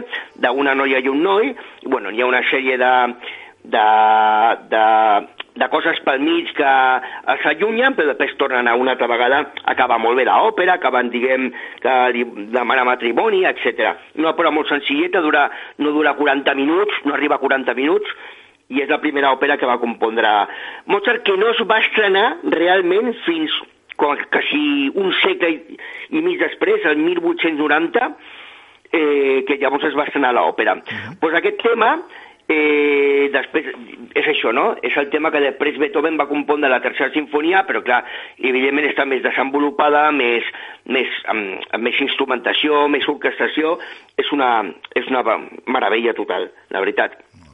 Bueno, després he posat, he portat la missa brevis també, és que, que tots són obres, diguem, obres de Mozart d'infantesa i de joventut, no? Aquesta missa també la, la va compondre amb 12 anys, és una petita missa en sol, a veure què us sembla. Aviam.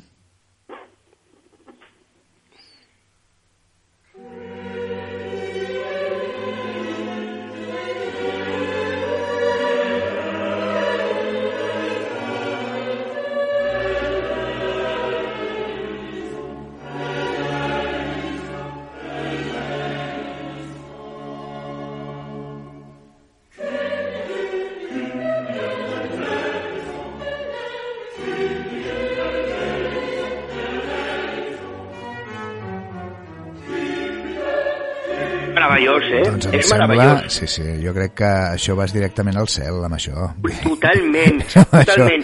I mira, per resumir ja i per acabar, he portat la cinquena obra, que cuidado, aquesta obra va ser una també una missa, es diu, un, és un miserere, ja és una mica més endavant de Mozart, però cuidado, cuidado con el tema que us sonarà moltíssim. Potser si el Joan Carles re- res, rebobina 30 segons al principi, perquè comença el tema conegut, comença aproximadament al minut, al, al minut i poc. Al minut i poc, si pots posar-la a partir del minut i Sí, poc, sí, i dos segons i Sí, comença posa-la el tema conegut, diguem. posa-la al minut. Ah, està posant-ho.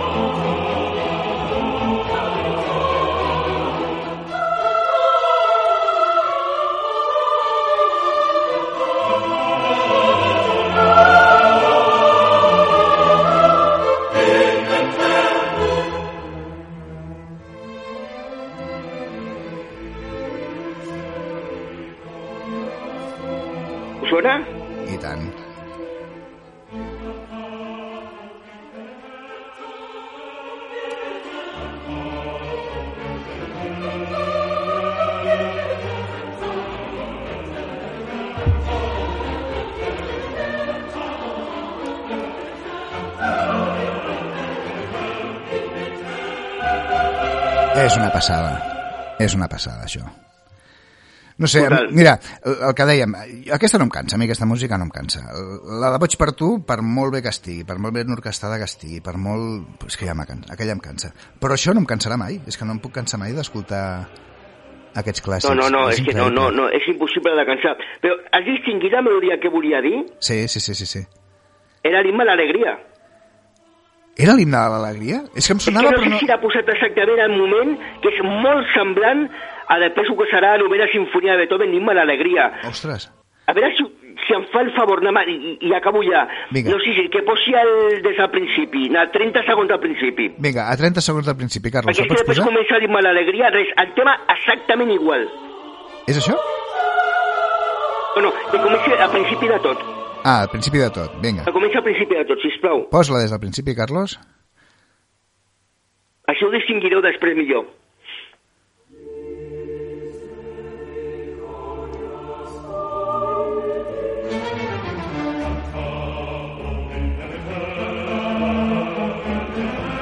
Eh, Després veure- veureu que n'hi ha una pausa i comença l'himne d'alegria.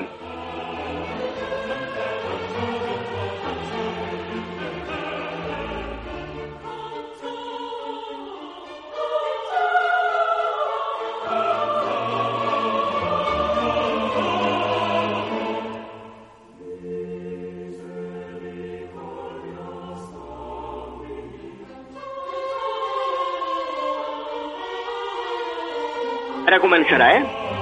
Aviam. Ara començarà.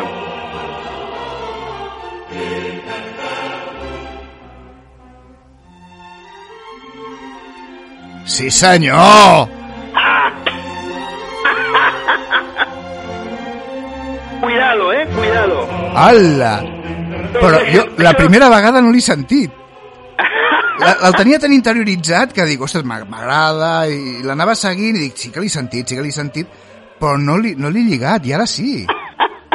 pues és una altra casualitat, perquè no va ser, repeteixo, eh, no va ser cap còpia ni res. Sí, perquè es deia que havia sigut- No se sap si potser aquest tema era un tema pues, mm, que no tenia, evidentment, en aquella època no tenia drets d'autor ni, ni, ni tot el tema aquest, no?, que n'hi ha ara, però que no sé si és un tema que van utilitzar tant Mozart com Beethoven quasi, pff, quasi 50 anys més endavant, ¿vale?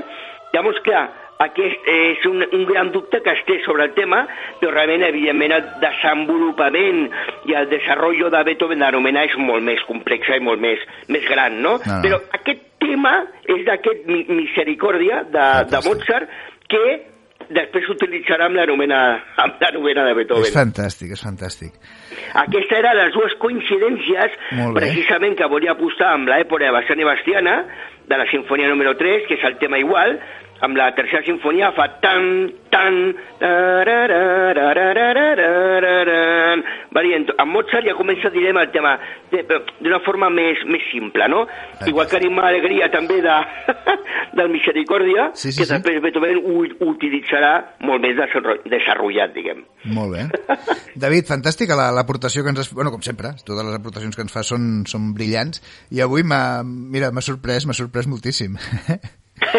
doncs moltíssimes gràcies. No, la veritat és que ho estava preparant ja fa, ja fa, ja fa setmanes aquest programa, dic, però no, no sabia quan posar, dic, ja, ho posaré avui, i volia fer un especial Mozart, precisament aquestes dues coincidències eh, amb, amb, amb, amb l'obra de Mozart i amb l'obra de Beethoven, no? aquestes coincidències, i ja volia posar-ho, però dic, mira, ho poso avui ja, que ho he preparat més tranquil·lament, i dic, mira, avui ho expondré tot això.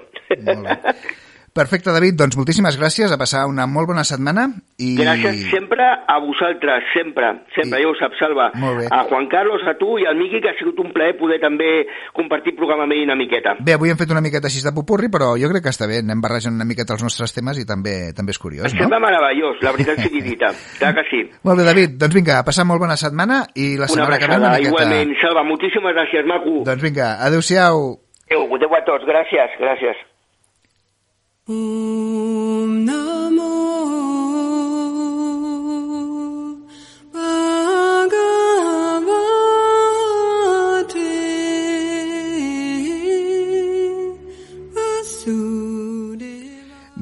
ja sabeu que quan arriba aquesta hora avui anem també una miqueta passadets bé. És que aquí al Mercadillos passen coses tan interessants i tan xules que no podem mai complir amb els horaris i la meva idea és que a les 12, que és l'hora de les fades, doncs tindrà la nostra fada amb nosaltres i la tenim per aquí donant voltes des de fa un ratet, però com és tan bona no ens diu res.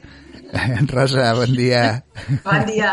Moltes gràcies. la paciència. Moltes gràcies per aquesta paciència. I tant. I la del nostre convidat. També, també, que anem amb una miqueta de retard, però bé, tenim, tenim marge avui de sobres per darrere, que avui Que bé. ens fallen alguns col·laboradors i avui tenim més temps per poder parlar. Eh? Bueno, Doncs, eh, bon dia, Ricard, avui vens amb el Ricard. sí, I bé, doncs, tot, tot un gran plaer tornar-te a tindre amb nosaltres i, i aprendre de tu, perquè no ens deixes mai... O sigui, en- ens canvies una miqueta la vida, eh? Quan, quan parlem amb tu, a mi me la, me la gires una miqueta, eh? Fas, fas un quart de volta, li dones un quart de volta i, i ja, ja m'agrada, ja és molt interessant. I fa dies recordo que parlàvem amb la Rosa de dir, ostres, doncs hem de parlar d'aquest tema amb en, amb en Ricard i... Eh, Rosa? sí. I, i vam dir, ostres, que no, no, sé, no sé com respondrà, no sé com respondrà. I, bueno, li, li diem i, bueno, té respostes per tot. I, Rosa, doncs tu mateixa treus, treus el tema o si vols el poso jo, tu mateixa. Bueno, el tema, de fet, el vas plantejar tu aquell dia, que Sí. era just que acabaven d'aprovar la llei de la De eutanàsia. l'eutanàsia, exacte. I llavors tu em vas fer la pregunta a mi i jo et vaig dir, jo crec que el que millor ens la respondrà seria el Ricard, no? Sí. Per tot el seu procés que porta treballant aquests temes tan propers a, a la mort, no? I, bueno, pues, per que mi, jo crec que Bé, com- carta, bla- carta com, blanca. Com sempre hem dit en els, en els programes, doncs bé, nosaltres naixem per morir. I entremig tenim això que diem la vida i mirem de passar-la el millor possible i moltes vegades ens la compliquem nosaltres mateixos, o moltes vegades ens emprenyem nosaltres mateixos, o moltes vegades ens equivoquem, però bé, la finalitat de tot això és la mateixa. Al fi i a cap tots acabem morint, no? I un expert és en Ricard. Bon dia, Ricard. Bon dia. Benvingut de nou aquí. Agraït de poder estar aquí amb vosaltres altra vegada. Molt bé. doncs és un plaer tindre, tindre't aquí i, Sí, per, i per sí. tots els sentits. Doncs bé, I, doncs... i, de- I perdona, i degut a la seva generositat, vull dir, mentre nosaltres volem, ell sempre en diu, aquí estic, no? I això és un, és un regal, eh? Home, sí, és un regal. I, i, i m'agradaria, doncs, això, no? Que aquí arribi, que, que és un regal, que sentir el Ricard i, i la seva experiència que ens transmet. Perfecte. Doncs fa dies van, van aprovar la llei de l'eutanàsia. Aleshores, doncs, aquí a la, és molt controvertida, és una llei que no és, és senzilla. Hi ha la part més religiosa que, que nega que es tingui que fer, la part més científica que, que diu que bé, que ja s'ha acabat el procés, doncs per què hem de seguir, i la part humana que diu, ostres, per què ha de patir una persona, no? Però després esteu els experts, els que realment treballeu el dia a dia amb, amb la mort, no? I quin, quin, punt de vista, quin punt de vista tens amb, amb això? Bé, en primer lloc dius que la llei es titula l'eutanàsia i suïcidi assistit. Amb la cosa penso que aquesta paraula ja implica, obre l'esmirada i penso que és una paraula molt atrevida Uh -huh. en el moment que ens trobem perquè quan parlem de suïcidi estem parlant de presa de decisions. Mm? L'eutanàsia no és un, una recomanació que faci ningú, Uh -huh. ni cap mèdic ni cap professional, ni hauria de ser així, sinó és una decisió del propi individu. Correcte. Es- Estem davant de, de la mateixa manera que una parella decideix eh, engendrar un fill, i és una decisió, eh, aquest fill un cop neix té una decisió a prendre, que és també decidir quan vol morir. Uh -huh. La mort, sembla no sé per què, l'hem deshabituat i l'hem des- desautoritzat com una presa de decisions. I la posem a expenses d'algú o d'algú, diví o humà, que està sempre fora de nosaltres. Però és que la mort està dins de nostra. Aleshores, la meva mort en soc jo responsable. És, aquí hi ha com una dificultat en poder acceptar, respectar i acompanyar la decisió que algú pren. Uh -huh. I aquí la pregunta avui, si voleu, eh, com és que volem impedir aquesta decisió? Uh -huh. Quins són els que ens fan prendre aquesta no decisió? Bé, jo crec que hi ha la, la part més religiosa, jo crec que aquí hi ha la, la part més controvertida és la part més religiosa, no? que és la que diu és només és Déu qui decideix en el moment que vens i és Déu el que decideix en el moment que tu vas. Clar, no hi ha res a dir. O sigui, amb, amb un argument tan, tan, eh, tan rotund com aquest no hi, no hi ha res a dir. Però clar, jo crec que la llibertat individual de dir, ostres, per què no? Per què no puc decidir jo al moment de la meva mort? Si jo sé que té un final que l'únic que faig és allargar uns dies un patiment, no? Jo primer de tot voldria que fer una reflexió d'això que naixem sense decidir. Evidentment, hi ha, com podeu veure, hi ha tècniques de fertilització i tècniques de procreació totalment dirigides en laboratoris on, evidentment, es decideix qui vol viure i qui no. Aleshores, inclús hi ha un banc de semen, hi ha mares solteres, vull dir que la vida es decideix. Aleshores em pregunto per què no decidir la mort. Eh? Però si, si som capaços d'una parella inclús programar, planificar un naixement, segons la feina, segons els anys, segons les, el tipus de vida que té una parella, què, què, què ens passa que aquest nen o nena quan neix se li, retreu, se li treu el dret de decidir al llarg de la seva vida. Aquesta és la primera reflexió. Per la vida sí decidim. Déu no decideix que neixem. Això ho decideixen els humans. Perquè té que haver-hi tota una acció per, per néixer. A la mateixa manera que té que haver-hi tota una acció per morir. Llavors ja, ja estem en una, en una incògnita que m'agradaria que la gent busqués que, qui, qui m'ha explicat això, que no decidim. Sempre estem decidint. I a més crec que jo crec en Déu i per la meva creença Déu m'exigeix que decideixi. El que no vol és que jo em deixi anar a, a, a lo fortuït i a la ca- causalitat, sinó que hi ha una part meva que t'hi vaig de decidir. Però sigui diví o no sigui diví, el que sí que és cert és que és més humà. Jo trobo que no hi ha res més humà que fer que una persona a les seves acaballes de la vida, que realment està patint, que realment no té cap sortida, doncs acabem, acabem. Vull dir, no, no té cap sentit viure 24 hores més. Quin sentit té? Això, Jo aleshores no, no, no li veig, no li veig aquest sentit. També està el tema d'aquell senyor que, no me'n recordo el seu nom, aquell senyor que era gallec, que, es va, que era tetraplègic, que no, no podia, estava cansat de viure. Aquest senyor no es podia moure d'un llit.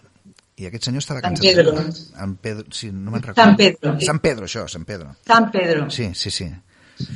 Clar, jo, jo recordo aquest senyor que, que ell ho deia i estava convençut. Diu, és, és que no vull viure més, és que no vull. És que per viure com visc no, no vull, ja, ja he viscut prou. No. Té dret aquesta persona també a decidir d'aquesta manera tan freda? O sigui, estem parlant del cas que nosaltres estem decidint per... Hem, hem deixat escrit en un paper dient, escolta'm, jo no vull que em, no vull seguir viu més del compte i l'altra cosa és decidim que aquesta persona que ell mateix no es pot lesionar l'ajudem a, a morir amb, amb, amb aquest coneixement de causa, no? Fixeu-vos que la vida està plena de decisions. Eh? Decidim com vull deixar d'estimar-te, decideixo com vull deixar aquest treball, decideixo si vull tindre un fill o no, decideixo quina orientació sexual vull, decideixo on viure o no viure. Tota la vida estan decidint. A mi em pregunto, per què la mort no? Què, què és el que amaga el misteri de la mort? Que anul·lem la decisió del ser humà. Què ens passa als que ens quedem vius? Perquè penseu una cosa, el moribund no té cap problema en decidir. Som els vius que ens quedem que posem aquesta resistència a la decisió aliena. Aleshores ens hauríem de preguntar quin és el dany que jo rebo quan tu decideixes. Què passa amb mi amb la decisió teva? I si tant parlem d'amor i d'estimar un pare, un fill o un germà, el més millor acte d'amor és deixar decidir. Malgrat jo tingui un dol concret, pateixi més o menys, o sigui que jo em pregunto, si a la vida és quasi obligat decidir, perquè a la mort no? Qui ens retira aquest dret? Perquè jo, per exemple, puc estar o no d'acord amb l'eutanàsia, que això és poc important. El que estic d'acord és que la gent decideixi sempre el que vol i que jo no haig de ser mai una interferència per ningú. Aquí està el crit, que és el que hem de treballar i el que la llei protegeix. La no interferència, la no invasió a l'espai vital de l'altre. Em sap molt greu que visqui en un país que s'hagi de legislar el dret a decidir, perquè ho estem legislant tot, l'abort, el matrimoni, la mort, potser prou no, potser ho hem de prendre que hi ha un art que es diu l'art de viure, que això ens ho han regalat i no ho hem d'escriure, perquè és un do que tenim, que és la vida i la mort, perquè és morir en vida. La mort és morir en vida. Rosa. No, jo el que, el que veig, això que tu dius, no? és com que mm, hi ha algú superior que decideix que venim aquí, jo també crec, crec en Déu i crec en, en l'ànima com a, diguéssim, consciència que portem a dintre, no? I que quan arribem aquí, llavors hi ha uns quants que s'aprofiten d'això i ens comencen a, a conduir o monitoritzar, no?, una mica. Llavors, eh, potser aquí estaria el gran treball a fer, a despertar les consciències de la gent, però ja no, no que creguin o no creguin, sinó que creguin en ells mateixos i amb els seus drets com a éssers vius que tenen, no? I potser aquí començaria, doncs, aquest canvi, aquesta revolució de que la gent es, realment es preguntés i volgués viure d'acord a, a el que realment necessita i vol. Aquesta manca de llibertats que cada vegada, a més a més, eh, se'ns està doncs, eh, portant més eh, com arraconats, no? Mm. com opressionats. Jo estic completament a favor del dret a decidir de cada individual, de cada persona. O sigui, si una persona ha decidit prou, estic completament d'acord amb aquella persona i que sigui conscient de, del que està fent. Això ho trobo... Però aleshores, amb el que hem parlat moltes vegades, Rosa, es contradiu una miqueta, no? En dir, hem vingut i tenim unes dificultats que hem de superar, que la nostra ànima té que superar, i en canvi, si fem, acabem abans d'hora aquest patiment, no? És com una contradicció, això, Ricard, Rosa, no, no ho sé. Jo vull aportar una cosa Sí. que la meva experiència m'ha donat a entendre acompanyar la gent a morir, Sí. i és que quan morim no hem d'acabar-ho tot, ni hem de provar en cap nota. Tenim el dret a repetir sí? i a suspendre la vida. Amb la qual cosa, aquesta pressió que alguns vol dir que hem de marxar nets i polits, serà que no. Perquè tothom marxa com pot. Com vol i de la manera que ha viscut. Aleshores, si jo entenc que la meva existència és una suma d'experiències, digui-li vitals o no, eh, tinc el dret a marxar quan jo vulgui. I tinc el dret a dir me'n vaig sense acabar-ho. Aquest és més un dret. I sembla ser que aquí exigim, com que la gent ha de treure una matrícula d'honor, quan no tenim millor recursos per fer-ho. Jo entenc que l'eutanàsia és marxar abans d'hora o marxar en un moment que jo no sé afrontar-ho. Dubto que sigui abans d'hora, perquè potser és la meva hora. Sí? És l'hora que no sé afrontar. I si jo me'n vaig amb aquesta idea de que mor sense saber afrontar una situació, ja me n'ocuparé de resoldre-ho allà on pugui. Però millor no haig de fer-ho ni tot ara ni tot aquí, ni tot d'aquesta manera que algú em decideix. Jo no em crec que els estats tinguin l'interès de protegir la vida de la gent. No m'ho crec. I com que no m'ho crec, penso que el millor estat és el mateix. I cada persona ha de ser responsable de la seva pròpia protecció de la vida. I morir abans d'hora, si ho vull, també és protegir la meva vida. A vegades, els que m'envolten, família, professionals, n'han de prescindir si jo decideixo morir-me avui o demà. Bé, però sí que està el professional que, que pot dir és que jo no vull ajudar-te perquè jo no hi crec en això. Cadascú pateix quan vol. Exacte. No, no, però mira, tens professionals que no volen ajudar a, a morir a una persona, no? Perquè creuen en, en altres històries, vull dir... Trobem amb el suïcidi, amb l'abort. Hi ha moltes clíniques abortives que hi ha hagut metges i infermeres que han tingut que plegar perquè segons el seu codi ètic no es permeten fer això. Si jo soc un home religiós que tinc unes creences en respecte a l'abort, no podré treballar en una clínica abortiva. Està clar. Pues, el mateix, no podré treballar en una clínica de final de vida. Si jo crec que la meva creença no em permet això. Però jo m'hauré de fer una pregunta a mi mateix. Quina és aquesta creença que em limita a acompanyar els altres? Mm? Perquè jo puc decidir per mi, però no per tu. I si jo dic que tinc un acte d'amor i de servei cap al món, servei estipulat, que és un servei selectiu, què passa? Eh? Si jo selecciono qui ajudo i qui no, si vostè està d'acord amb mi, l'ajudo. Si no està d'acord amb mi, se'n va. Després, no acabo d'entendre on estem situats. És que, sí, això que deia el Ricard i, i, i això que acaba de dir ara també, no? Lo- L'anterior era jo decideixo. És a dir, jo, com bé tu, com bé tu has comentat, moltes vegades parlem, no?, quan estem nosaltres dos uh, dintre de, de la tertúlia. A veure, evidentment, l'ànima té el lliure albir. L'ànima decideix. I pot dir aquí, encara que jo aquest treball que en principi volia fer en aquesta experiència de vida amb aquest cos, doncs el que deia el Ricard, no em veig en cor, ja no tinc prou eines, ja em dóna la sensació... És dir, és que som, si ens escoltem a dintre, tot, tota la resposta està sempre dintre nostra, no?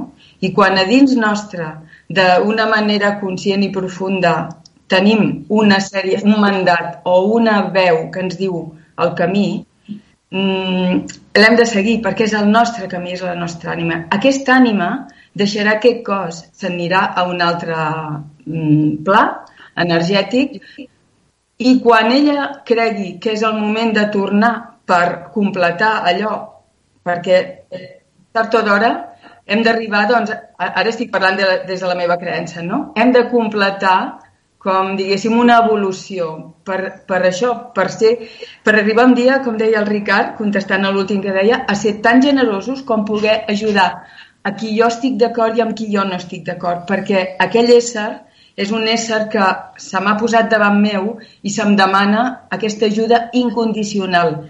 Vull dir, aquesta evolució, aquest nivell d'evolució és el que tard o d'hora les ànimes estem cridades a assolir i per això tenim i tindrem moltes oportunitats d'anar i venir fins que arribi el moment que poder ja no calgui baixar amb un cos humà. Per tant, i, i, i ara parlàvem de l'eutanàsia, però és que també podem parlar de lo que és el suïcidi directament, no, Ricard? Sí, I és una altra manera d'eutanàsia diferent. clar, Però- això es diu eutanàsia i suïcidi assistit. Bé, jo, jo crec que... molt greu que la nostra sanitat eh, associ suïcidi a malaltia. Em sap molt greu. Mm. Per homenatge a la gent que ha marxat i perquè s'ha suïcidat. Mhm. La gent que s'ha suïcidat no està malalta. El que passa que t'interessa posar en un sac de malaltia perquè així suposo que algú va dormir cada nit. Però això no va per aquí. Bé, és el cas del San Pedro que comentàvem abans, vull dir, és una persona que podia seguir vivint molts anys, però aquest home va dir prou. Ell té una, una, una motivació que diu prou. És el cas d'un fill que té 19 anys que intenta o fa un suïcidi. És el cas d'un marit o una dona que ha deixat suïcidar-se. És el cas de molta gent que conec que ha decidit marxar i no estaven malalts, amics. No han estat mai malalts. Potser estem malalts nosaltres, O per prendre una decisió... És que per prendre una decisió d'aquestes característiques jo crec que has d'estar molt, molt sencer. És a dir, si no, no, no la pots prendre, està claríssim. Si més no, malalts no. Exacte. Sé que no tinc la consciència que jo considero que has de tindre. Jo, jo, sí que hi ha gent que considera que millor a precipitar la meva mort és no estar conscient de la meva vida. Però qui, qui decideix el grau de consciència i el nivell de consciència? Qui d'aquí la Terra s'erigeix amb autoritat de decidir quins nivells de consciència tenim? Pues, aquest treball és de cadascú. Però quan jo vull interferir, quan jo vull imposar, quan jo dic que hem de viure sé quants anys, quan jo dic abans d'hora i després d'hora, però, però qui decideix tot això? Qui, qui és el que té aquesta autoritat moral i ètica de decidir quan una mort toca o no toca? Quan hi ha gent que diu "És que pare ja li tocava. Què vol dir ja li tocava? És que tenia 90 anys i que tocarà ara 90 anys. I a un nen d'un any no li toca? Clar que li toca també. És, tot això, que se'n van parlar molt en aquest programa, forma part d'aquest suïcidi. Doncs La gent que decideix marxar, amb el màxim amor i el màxim respecte, els hem d'acompanyar. Jo recordo a la meva parròquia no deixar enterrar la gent suïcidada. I recordo, això jo he viscut i només tinc 61 anys. I això vol dir alguna cosa, eh? I inclús en el cementiri del meu poble s'enterraven a fora de muralles. No tenien dret a ser enterrats. Qui ha decidit això?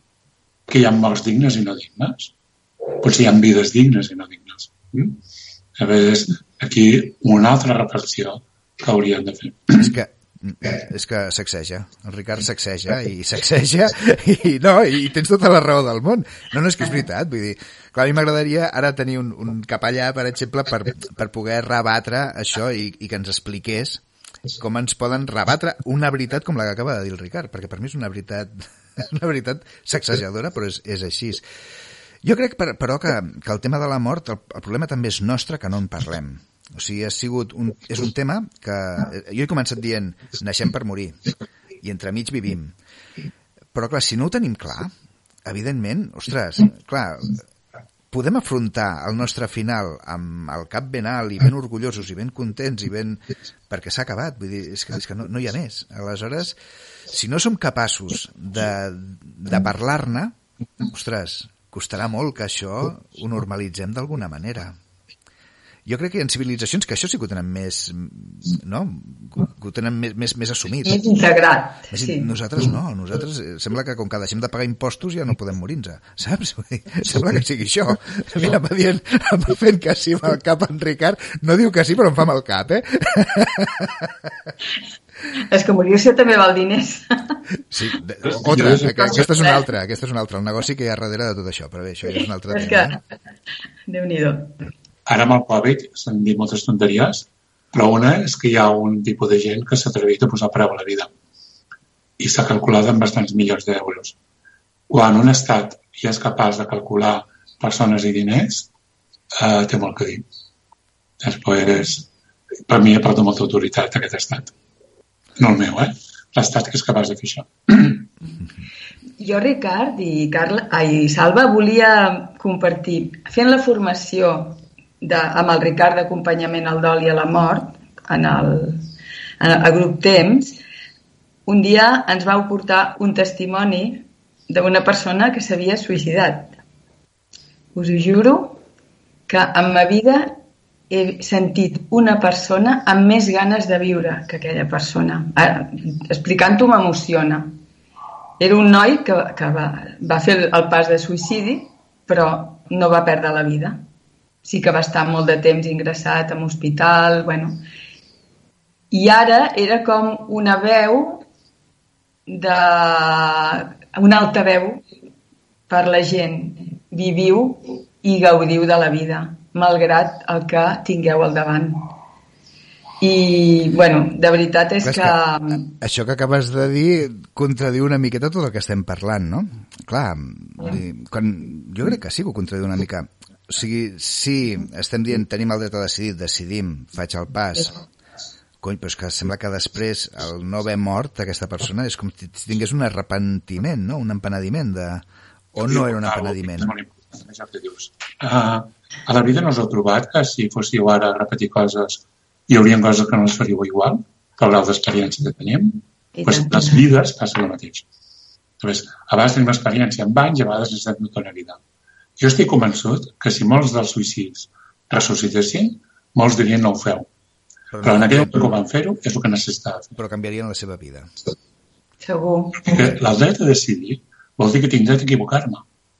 És que sembla ser que no permetem que la gent s'equivoqui. Mhm. Estic convençut que molta gent que ha marxat s'ha equivocat i que potser la seva ànima no reposa ara o fa altres camins. Per això li pertany a ell, no em pertany a mi. I acompanyar aquesta ànima que no troba la llum també és un acte d'amor per als que estem aquí. O sigui que no hem de valorar. Jo penso que la gent puntuem, valorem, amb bons i dolents, sants o malalts, i això va més enllà. Vaig a dir, jo a vegades me'n dono compte que si tornés a néixer hi ha coses que no repetiria, això que em diu? Que l'experiència i el traspassar errors m'ha portat a una maduresa. Doncs l'ànima, si porta 7, 8, 100 vides, també té aquesta maduresa. Jo millor algun he tingut que morir d'una guerra, a l'altre d'un suïcidi i a l'altre d'una malaltia, em dona igual. El que sí sé és que evoluciono. Pues penso que no hem d'estar tan atents si vius o mores tu, perquè estem molt amb l'ego aquest competint, jo i tu, tu i jo, no? I la mort va més enllà del tu i jo.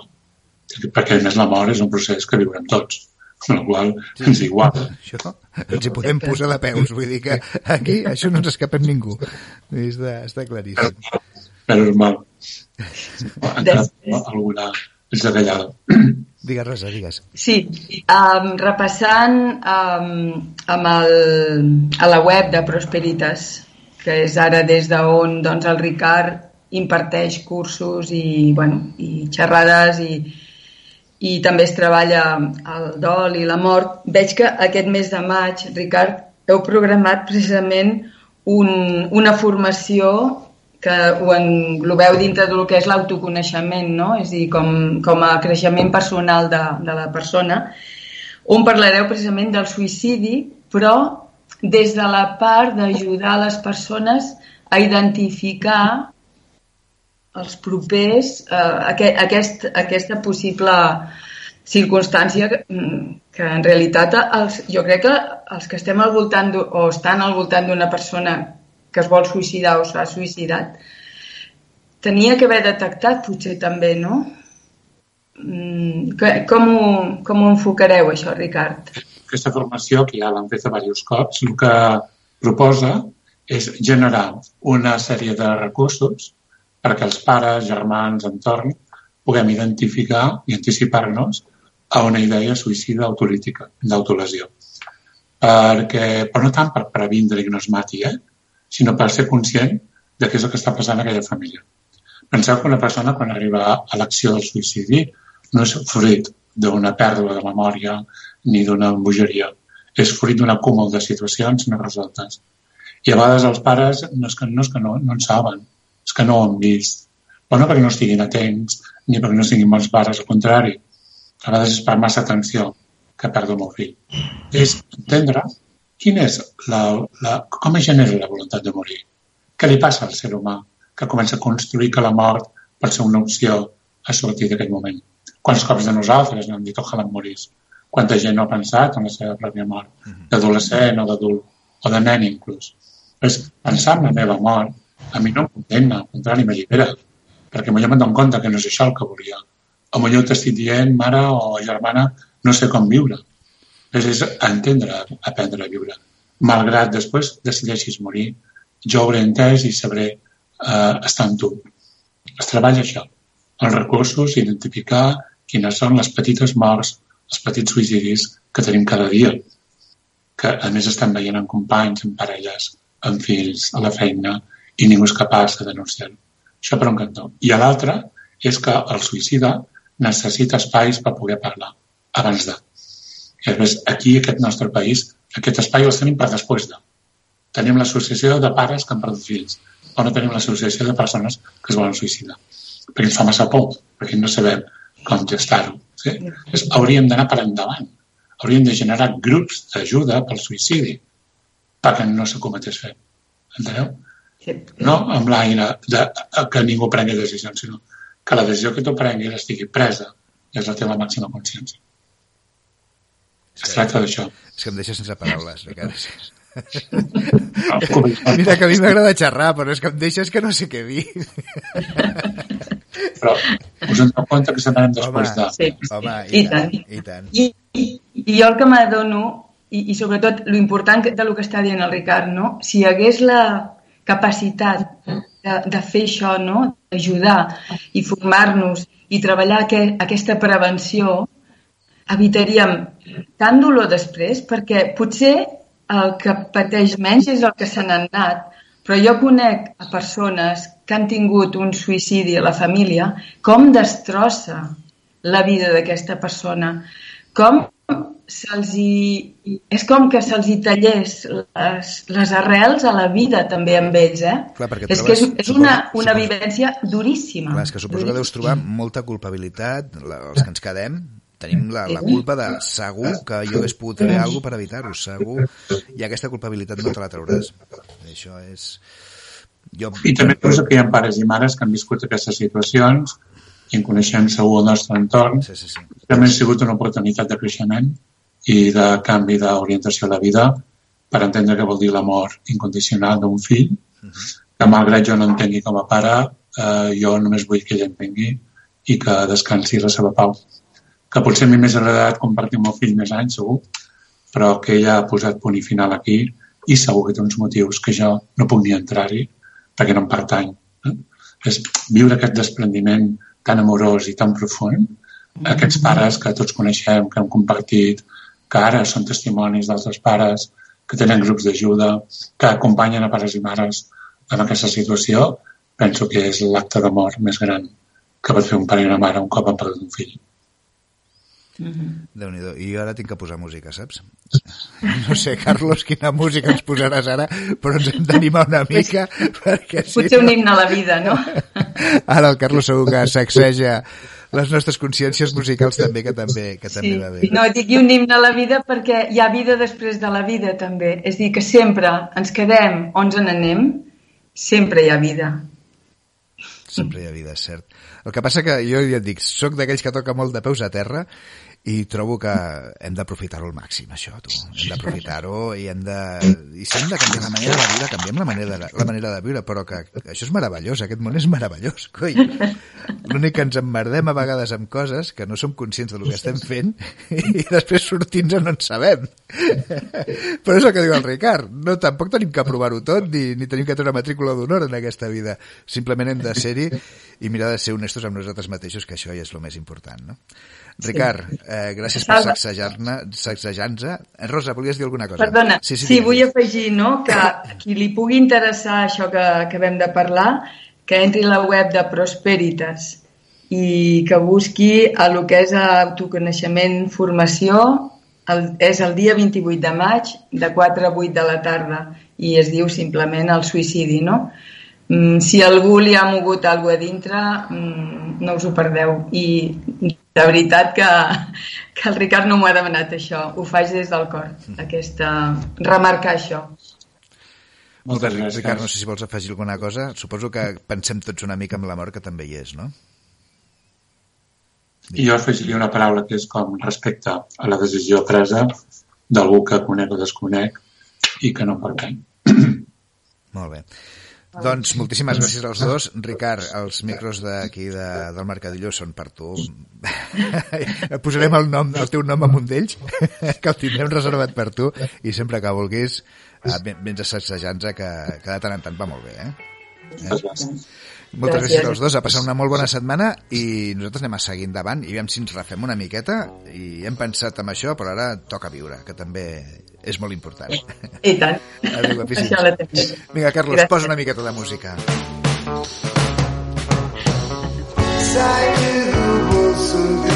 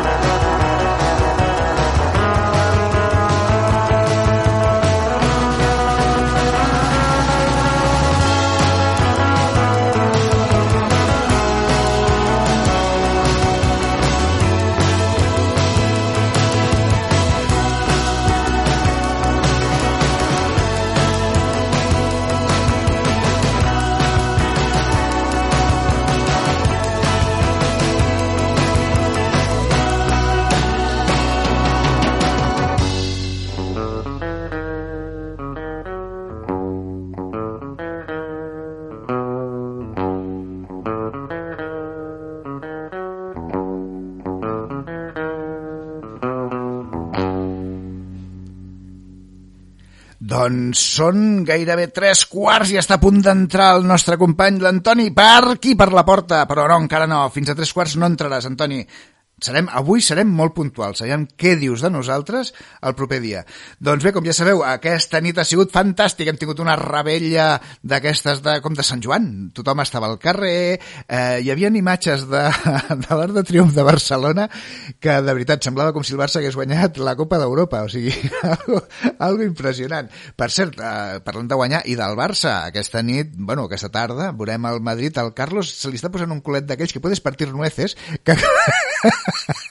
que com el Madrid empati avui ja també serà per a darles collejas. Al Madrid només li queda guanyar aquest partit i els quatre partits que li queden i es proclamarà campió de Lliga perquè el pitjor resultat que podia haver aquest cap de setmana era l'empat entre l'Atlètic de Madrid i el, i el Barça i s'ha produït aquell, aquell empat. Bé, el pitjor resultat pels culers, està clar, i pels, i pels colchoneros. Però els merengues estan esperançats. El que passa que estan molt acollonits perquè com que aquest any és que cap dels grans està funcionant com tindria que funcionar, saben que també poden palmar contra el Sevilla. Eh, no sé, jo crec que tots els culers avui serem molt sevillistes i estarem a favor del, del Sevilla. Mira, mira, mira com un fot. doncs sí, sí, i potser tornarem a sortir a celebrar-ho, vés a saber què celebrarem, però bé, així, així estarem. En fi, doncs ja sabeu, el Barça la tenim molt fotuda, per molt que diguin Piqué, i estat escoltant les declaracions d'en Piqué, i en Piqué deia que, home, aquest any no hi ha hagut cap equip menys, excepte el Barça, que hagi guanyat quatre partits seguits. Home, és cert, però, home, el Madrid, eh, eh, aviam, jo sóc molt culer.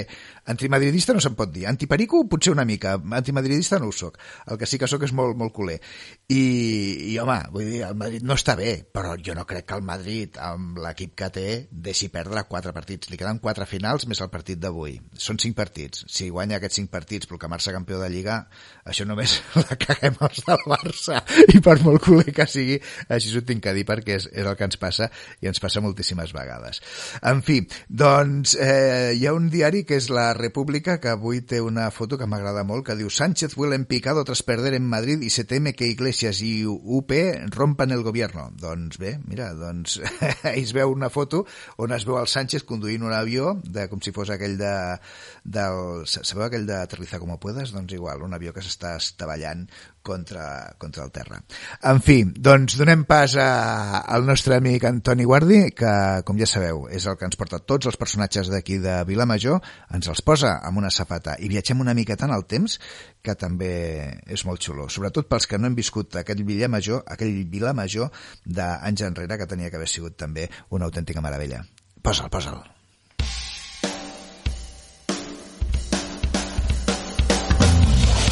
Personatges de Vilamajor, amb Antoni Guardi.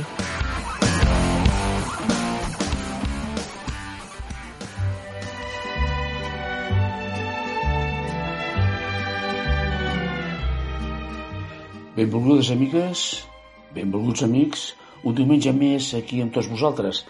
No sé a quina hora començaré, perquè el Mac Dodó m'ha dit a tres quarts d'una tu tranquil, que a tres quarts d'una en punt et posaré, no pateixis, tu tranquil, ja veuràs com seré puntual i veig que a l'hora de la veritat ni puntual ni res. Bé, jo m'aniré al meu rotllo i me'n vaig avui a fer un personatge dels de Vilamajor. I avui aquest personatge l'anomenaré el rei de la barra del bar. I per què li dic aquest nom? Perquè aquest era l'Enric de Cal Enric. Graciós aquest nom amb el que he començat, es deia Enric Marc i Safon.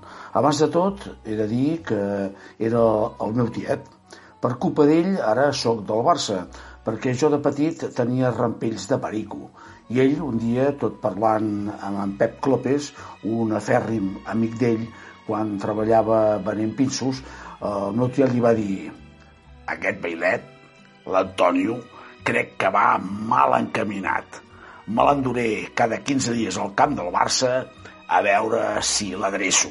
I va ser veritat. Cada 15 dies em duia al camp del Barça amb en Joan de l'Espart, amb aquells 5.200. Llavors agafàvem l'autopista des de Cardedeu fins a l'entrada de Barcelona, eh, doncs no hi havia més autopista. Doncs només anava de Cardedeu a Barcelona. I en aquells anys 60 això era anar a Tutiflé eh, per l'autopista. I mira que era, que era penós, perquè només hi havia 40 quilòmetres d'autopista. L'Enric, per mi, era un gran tipus. Primer havia estudiat a Barcelona, agafava el tren, però fotia el que volia. Doncs s'ho passava tot per al forro. El meu tiet era així. Llavors va fer de serraller amb el seu germà, en Josep. Primer tenien la serralleria on ara hi ha el Banc de Bilbao, és a dir, on estava el Banc de Bilbao. Els pisos de Can Moragues, eh, allà on havia un els bataller, on hi havia un celler, bar, fonda, a la mateixa cantonada, fins a arribar on hi ha la pastisseria Sant Lleí, que hi havia un corredor que separava la serralleria i a l'altre cantó hi havia Can Bufarull, on hi vivia l'obrador i la senyoreta Pau, on ara hi ha tot el bloc de pisos del damunt de la pastisseria de Sant Lleí va estar molts anys a la serralleria fent tacos de llenya, rodes de carro i serrant i serrant fusta per qui ho demanava. Més tard, cap a mitjans dels anys 60, l'Enric amb la Maria, la meva àvia Antònia, el meu avi Josep i la Pepita i la Mariona van anar fins a on vivia jo, a la carretera de la Garriga, davant de Calamauri i de Can Canals, on ara hi ha la Caixa Banc. Allà hi van muntar el bar de Cal Enric i al costat la serralleria, on l'Enric hi seguia fent de serraller, mentre la seva dona, la Maria, i l'àvia Antònia duien el bar. En aquest bar jo m'hi vaig criar. Recordo aquell bar petit que a l'entrar a mà esquerra hi havia el taulell després l'entrada amb una porteta que anava fins a, que donava cap a dins de l'habitatge. I al, al costat de la porta a mà dreta hi havia la televisió en blanc i negre. I aquelles taules de marbre blanc amb les potes de ferro de color negre i aquelles cadires de fusta marró i aquell mosaic a terra mig eh, amarronat de les borilles dels cigarrots que la gent llançava a terra. I aquell sostre i parets també amarronades de tant, de tant i tant fum del tabac. I la meva àvia Antònia guitant la tele quan ja no hi havia ningú al bar i l'avi Enric i l'Enric, tots dos amb el cigarret a la mà, gaudint d'aquell esbarjo de la nit. Quin temps aquell? Qui el pogués tornar amb aquell temps quan els dissabtes feien gales del sàbado eh, per la tele i tots els veïns l'anaven a veure? Doncs llavors ningú tenia tele a casa seu i el bar era l'únic lloc on es podia veure la tele. Recordo que abans no calia posar doncs, tendals eh, davant del bar. Els plàtans feien suficient ombra per poder-hi posar taules al seu voltant. A Cal Enric feien les millors escopinyes de la comarca. La tieta Maria feia una salsa per les escopinyes per xarrupar-se els dits. Recordo aquelles, eh, aquelles sé, olles plenes de salsa, tant per les escopinyes com per les eh, cloïses o bé per als musclos. L'Enric era el barman, l'home que s'amagava darrere la cafetera i que de vegades, mig adormit, amb un ensurt que li feia el client, li deia «Ja t'he sentit, ja! Què et penses? Que no t'he que no t'he vist? Si només t'he vist a l'arribar, si ja t'he vist quan aparcaves el cotxe!» Les tardes del diumenge agafava el seu petit eh, transistor, aixecava l'antena fins al capdamunt i tot posant l'orella del tot amorrada a l'aparell anava apuntant els resultats de futbol. Al damunt d'una papereta de travessa i persona que entrava li deia «Què, Enric? Què fa el Barça, Enric? Què fa el Barça?» I ell, tot aguitant pel damunt d'aquelles ulleres marrons de pasta, li contestava «Avui sembla ser que patirem. Batu a Déu que les passarem magres. Al seu costat sempre hi havia en Pep del Puro, en Pep del Turó, el massatgista de futbol de tota la vida. Semblaven els diumenges a la tarda aquests dos personatges, el duo dinàmico. I llavors, quan, eh, quan mig tancava el bar, esperava que arribés al sereno, en Francisco Luque, que venia amb el seu gos, el doble eh, gos d'en Rintintín, s'asseien a la terrassa, tot això a l'estiu, i tots dos cardaven unes becaines de caldeu fins ben entrada la mitjanit. El gos era la seva salvació, doncs els avisava cada cop que s'acostava algú al voltant. L'Enric era graciós, doncs quedava adormit damunt la cadira, però voltada al revés, es recolzava amb els braços i feia caure el cap endavant i llavors eh, els cabells negres i llargs del darrere li queien cap al davant i la llargària d'aquest cabell que era immensa i llavors se li veia la coroneta de capellanet que tenia al darrere i que ell sempre intentava dissimular. L'Enric, el meu tiet Enric, va ser per mi un fenomen, un autèntic crac. Sempre el recordaré amb una gran estimació. Sempre eh, es va portar, la veritat, molt bé amb mi des de que era molt petit. Crec que l'Enric va ser una icona al nostre poble, sobretot quan el recordo amb aquella vespa eh, anant fins a Llinars, eh, a la piscina eh, de Llinars, al cercar el gel per les neveres. I quan amb ella anava a repartir els sifons als senyors de la colònia. L'Enric, sens dubte, fou l'Enric. Amb molts i molts, sí senyor, el meu tiet Enric tenia un prei de collons. I un dia li vaig fer un poema, que fa molts anys d'això, li vaig fer un poema, i el poema més o menys era així. Deia d'aquesta manera. El tiet Enric, el que deixava anar un xerric i després s'amagava, el cambrer, el foteta, el graciós, el burleta, el que deixava la beguda damunt la tauleta i llavors marxava sense endur-se'n l'ampolleta.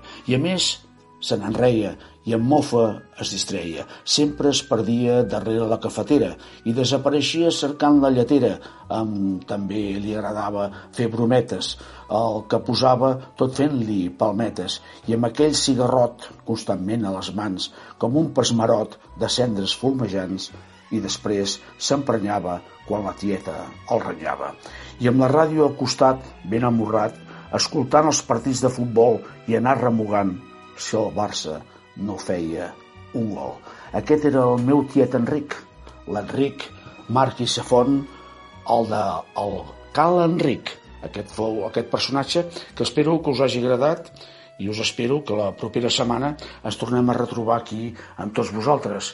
El Mac de Do suposo que m'has posat tard, no? Com sempre. Bé, el senyor Enric ara vindrà darrere meu. Eh, suposo que ve el senyor Enric, no? No canviaràs el sistema ara també. No crec que ho canvis, no? Bé, el senyor Enric doncs ara vindrà aquí darrere meu i jo us espero la propera setmana i espero que gaudiu de tots aquests personatges de Vilamajor. Gràcies per escoltar-me i sé que si la setmana vinent no ens escolteu, vindré darrere vostra i aniré casa per casa per trobar-vos. Fins la propera setmana. El meu nom és Antoni Guardi i, sí senyors, adeu-siau.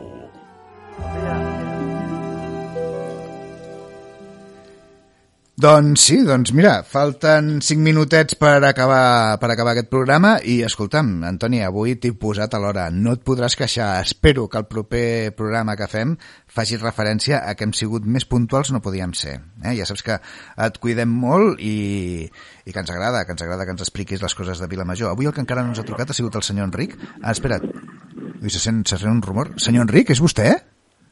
Sí. Ah, mira, bon sense... i Vostè ja té línia directa, trobo. Mira, ha acabat l'Antoni Sí, i entra vostè. Sí, Senyor Enric, bon dia.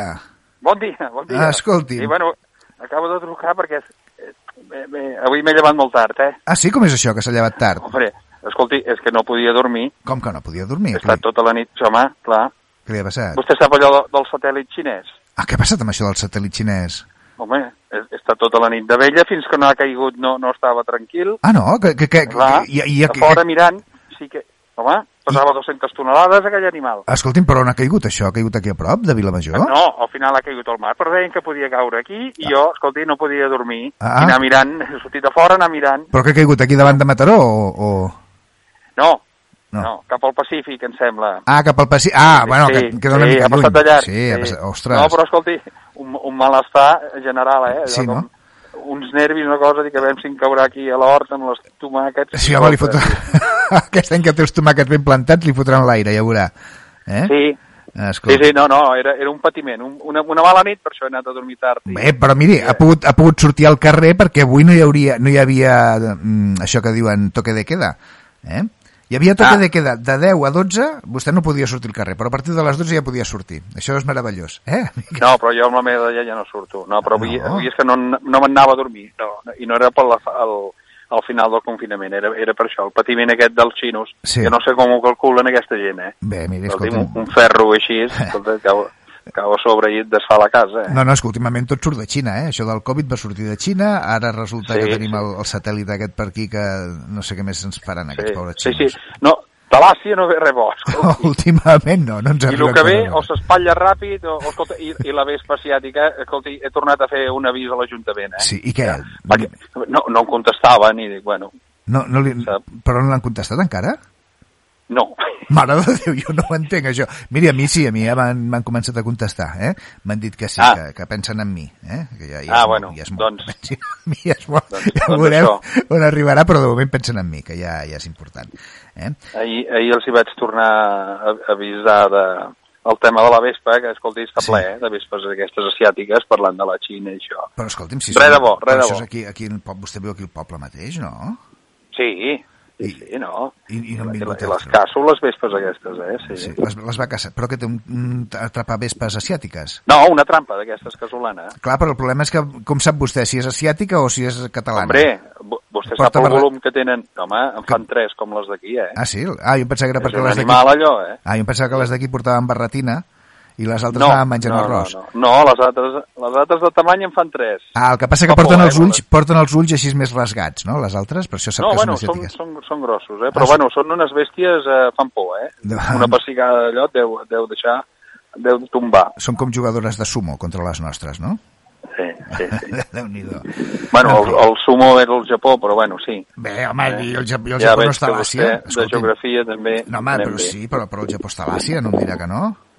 Ah, sí, sí, home. clar, sí, home. Allà tombant a mà esquerra, sí. Escolti'm, jo més o menys, miri, a prop ha caigut el, el satèl·lit aquest dels xinos, allà al Pacífic, Sí. no diu? Però allò Sí, també ja està m'he ja m'he quedat més tranquil i he pogut anar a dormir. Escolti, digui'm. parlant de tranquils, Digui'm. eh, saps, m'he dedicat aquesta setmana a mirar les obres de la plaça d'en Riera. Ah, sí, sí, com està, com està? Jo he vingut en Bueno, bicicleta, igual, eh? he, he vingut en Està bicicleta igual, per no eh? aparcar. Fa 15 dies que, escolti, Ah, sí? està tot allò tancat i barrat i no deixen, no deixen aparcar, allà no, allà no s'hi fa res de moment. Ah, bé, però està igual, no deixen aparcar, però Ja està igual, Ah, sí. Jo em vaig apujant allà, Sí. passo hores, però no- allà no hi ve cap operari, no, res, Ah, no? no res. Ah, coi. Res. Ah, mira. I, I on té No aparcat, sé, no sé. el, on- on té aparcat el 127? Vostè ha trobat lloc o no?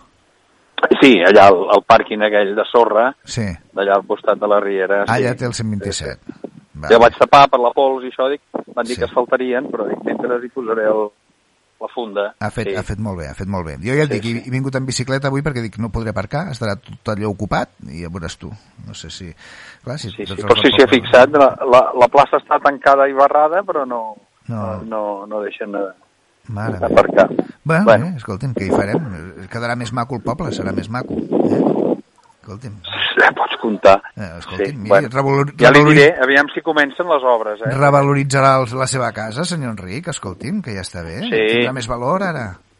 Sí, home, sí. No? Hauré de venir amb la compra de lluny, Sí. a peu, eh? Sí. Però escolti'm, vostè gastis els duros i, i va a, a, en el supermercat aquest, va aquí a Camponassa i li diu, escolta'm, nen, té 10 duros i vens i m'ho portes a casa. No, no funciona així, això? Ah, està bé, això, sí, home. Cony, faci això, Fan. aquí a Camponassa o, o Can Costa, li diu el nen, que vingui el nen i m'ho porti a casa. Això ho fan, no? Sí. O, o ja I no el ho fan, pa això? també, no? Una barra de pa. Porta'm una barra Se'n de va pa. aquí el, el, el, aquest d'aquí del ninot i li diu, escolti'm, porta'm una barra de pa. I ja està, i que te la porti a casa. Sí, sí, sí. No, vostè se n'en riu, però... Això, fa, això, això vostè m'està fent un, uns consells que vostè veig que, que ho fa, eh? Ah, perquè jo sóc del FOU i el FOU no... eh, Som, nosaltres som a l'extraràdio de, de Vilamajor. El FOU, el FOU no, no existeix, escolti'm. Ja. No, no, allà al FOU no existeix ni, ni els guals, oi? No, no. Allà no paguen ni el gual. No, no, miri, és una de les avantatges que tenim, que no paguem gual. Això és... Això, això m'he de queixar a l'Ajuntament, també. Com que eh? s'ha No, de no queixar? eh? Miri, com Hombre, pa... escolti'm, com parli no li jo pago més... igual, eh? Jo pago igual, eh? Ah, per vostè perquè és, és un, un, un d'aquests que viuen al pueblo. Sí, el tonto del poble, Ah, sí. home, els tontos no- del poble paguem igual. Ah, I els de les urbanitzacions no. Però miri, és l'únic que tenim, eh? L'únic que tenim. Escolti. Sí, sí. Senyor Enric, va, deixis de Bueno, queixar del, ja de la veig que em gent penja perquè, clar, hem tocat la fibra, eh? Sí, sí, sí, no. de la llaga. Miri, sí. perquè avui bueno, volia plegar jo a la una i són la una i dos minuts i encara estic xerrant amb Ah, vostè. perdoni, eh? Perdoni. Escolti, Ah, farà, avui em fa plegar tard vostè. Avui és vostè que em fa plegar tard. Eh? Senyor Enric, vol dir alguna cosa més? A part No, de queixar-se no, de les desitjar-li una bona setmana. Eh? Molt bé. Doncs jo també li desitjo una molt bona setmana a vostè. Vinga. I la setmana que ve em tornarà a trucar, senyor Enric. Segur? Vinga, Segur, escolti, li, li he d'anar passant el parte de les obres. Ah, exacte, aviam com Sí, va. Eh? hombre. Aviam com va. Em van carregar aquesta feina. Sí. Sí, sí. No, però escolti'm, això del gual del... ni se li ocorressi dir res, eh? Que potser de l'Ajuntament no se'n bueno, recorden. bueno, haurem d'arreglar-ho d'alguna manera, eh? Però, Bé, ja li pagaré una cerveseta. bueno, acompanyat d'alguna cosa per, per mastegar, perquè a mi la cervesa sola, saps? Ah, si vostè ja no li queden cap. dents, si no li queden He de mastegar, he de mastegar. Però que ha de mastegar Encara que si siguin no uns callos. Eh, Uns, ca... Bé, uns callos. És que vostè menjant callos amb, amb, sense dentadura, la veritat és que està una bona És l'únic que puc rosegar, és l'únic que puc rosegar. Molt bé, senyor Enric. Passa una bona setmana. Adéu-siau. Adéu-siau a tots. Adéu, Doncs bé, senyores i senyors, hem arribat a la una i tres minutets i ja hem acabat aquest programa, aquest meravellós Mercadillo. Espero que avui els hagi agradat. Hem fet una miqueta diferent, hem fet una miqueta més de tertúlia amb tots els nostres convidats i hem sacsejat una miqueta les consciències. I amb qui hem sigut? Doncs a primera hora hem estat amb el Joan Carles Cervantes, des de Mataró. En Miqui Renard, que també s'ha afegit a aquesta conversa des de Castelldefels. En David Piuler, des de Sant Pere de Vilamajor, també ens ha portat tota aquesta música. La Rosa Maria Mateu, que ens ha parlat amb en Ricard, que hem estat parlant de l'amor, que n'hem de parlar-ne més. que segur que vivim millor si parlem de la mort a vegades. L'Antoni Guardi, que ens ha parlat d'aquí de Cal Enric i del seu tiet. I per últim el senyor Enric ens ha dit que bé, que encara no comencen les obres, que sí que no es pot aparcar però que encara no, que anem malament, que anem malament. I a sobre s'ha queixat que els del Fou no paguem qual. Coi, si els del Fou estem més oblidats.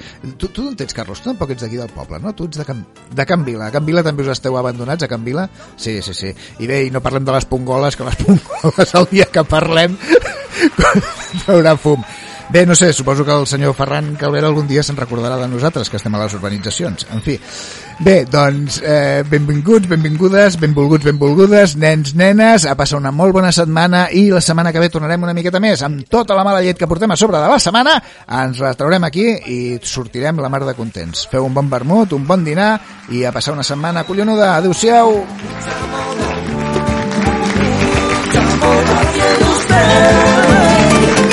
mucho amor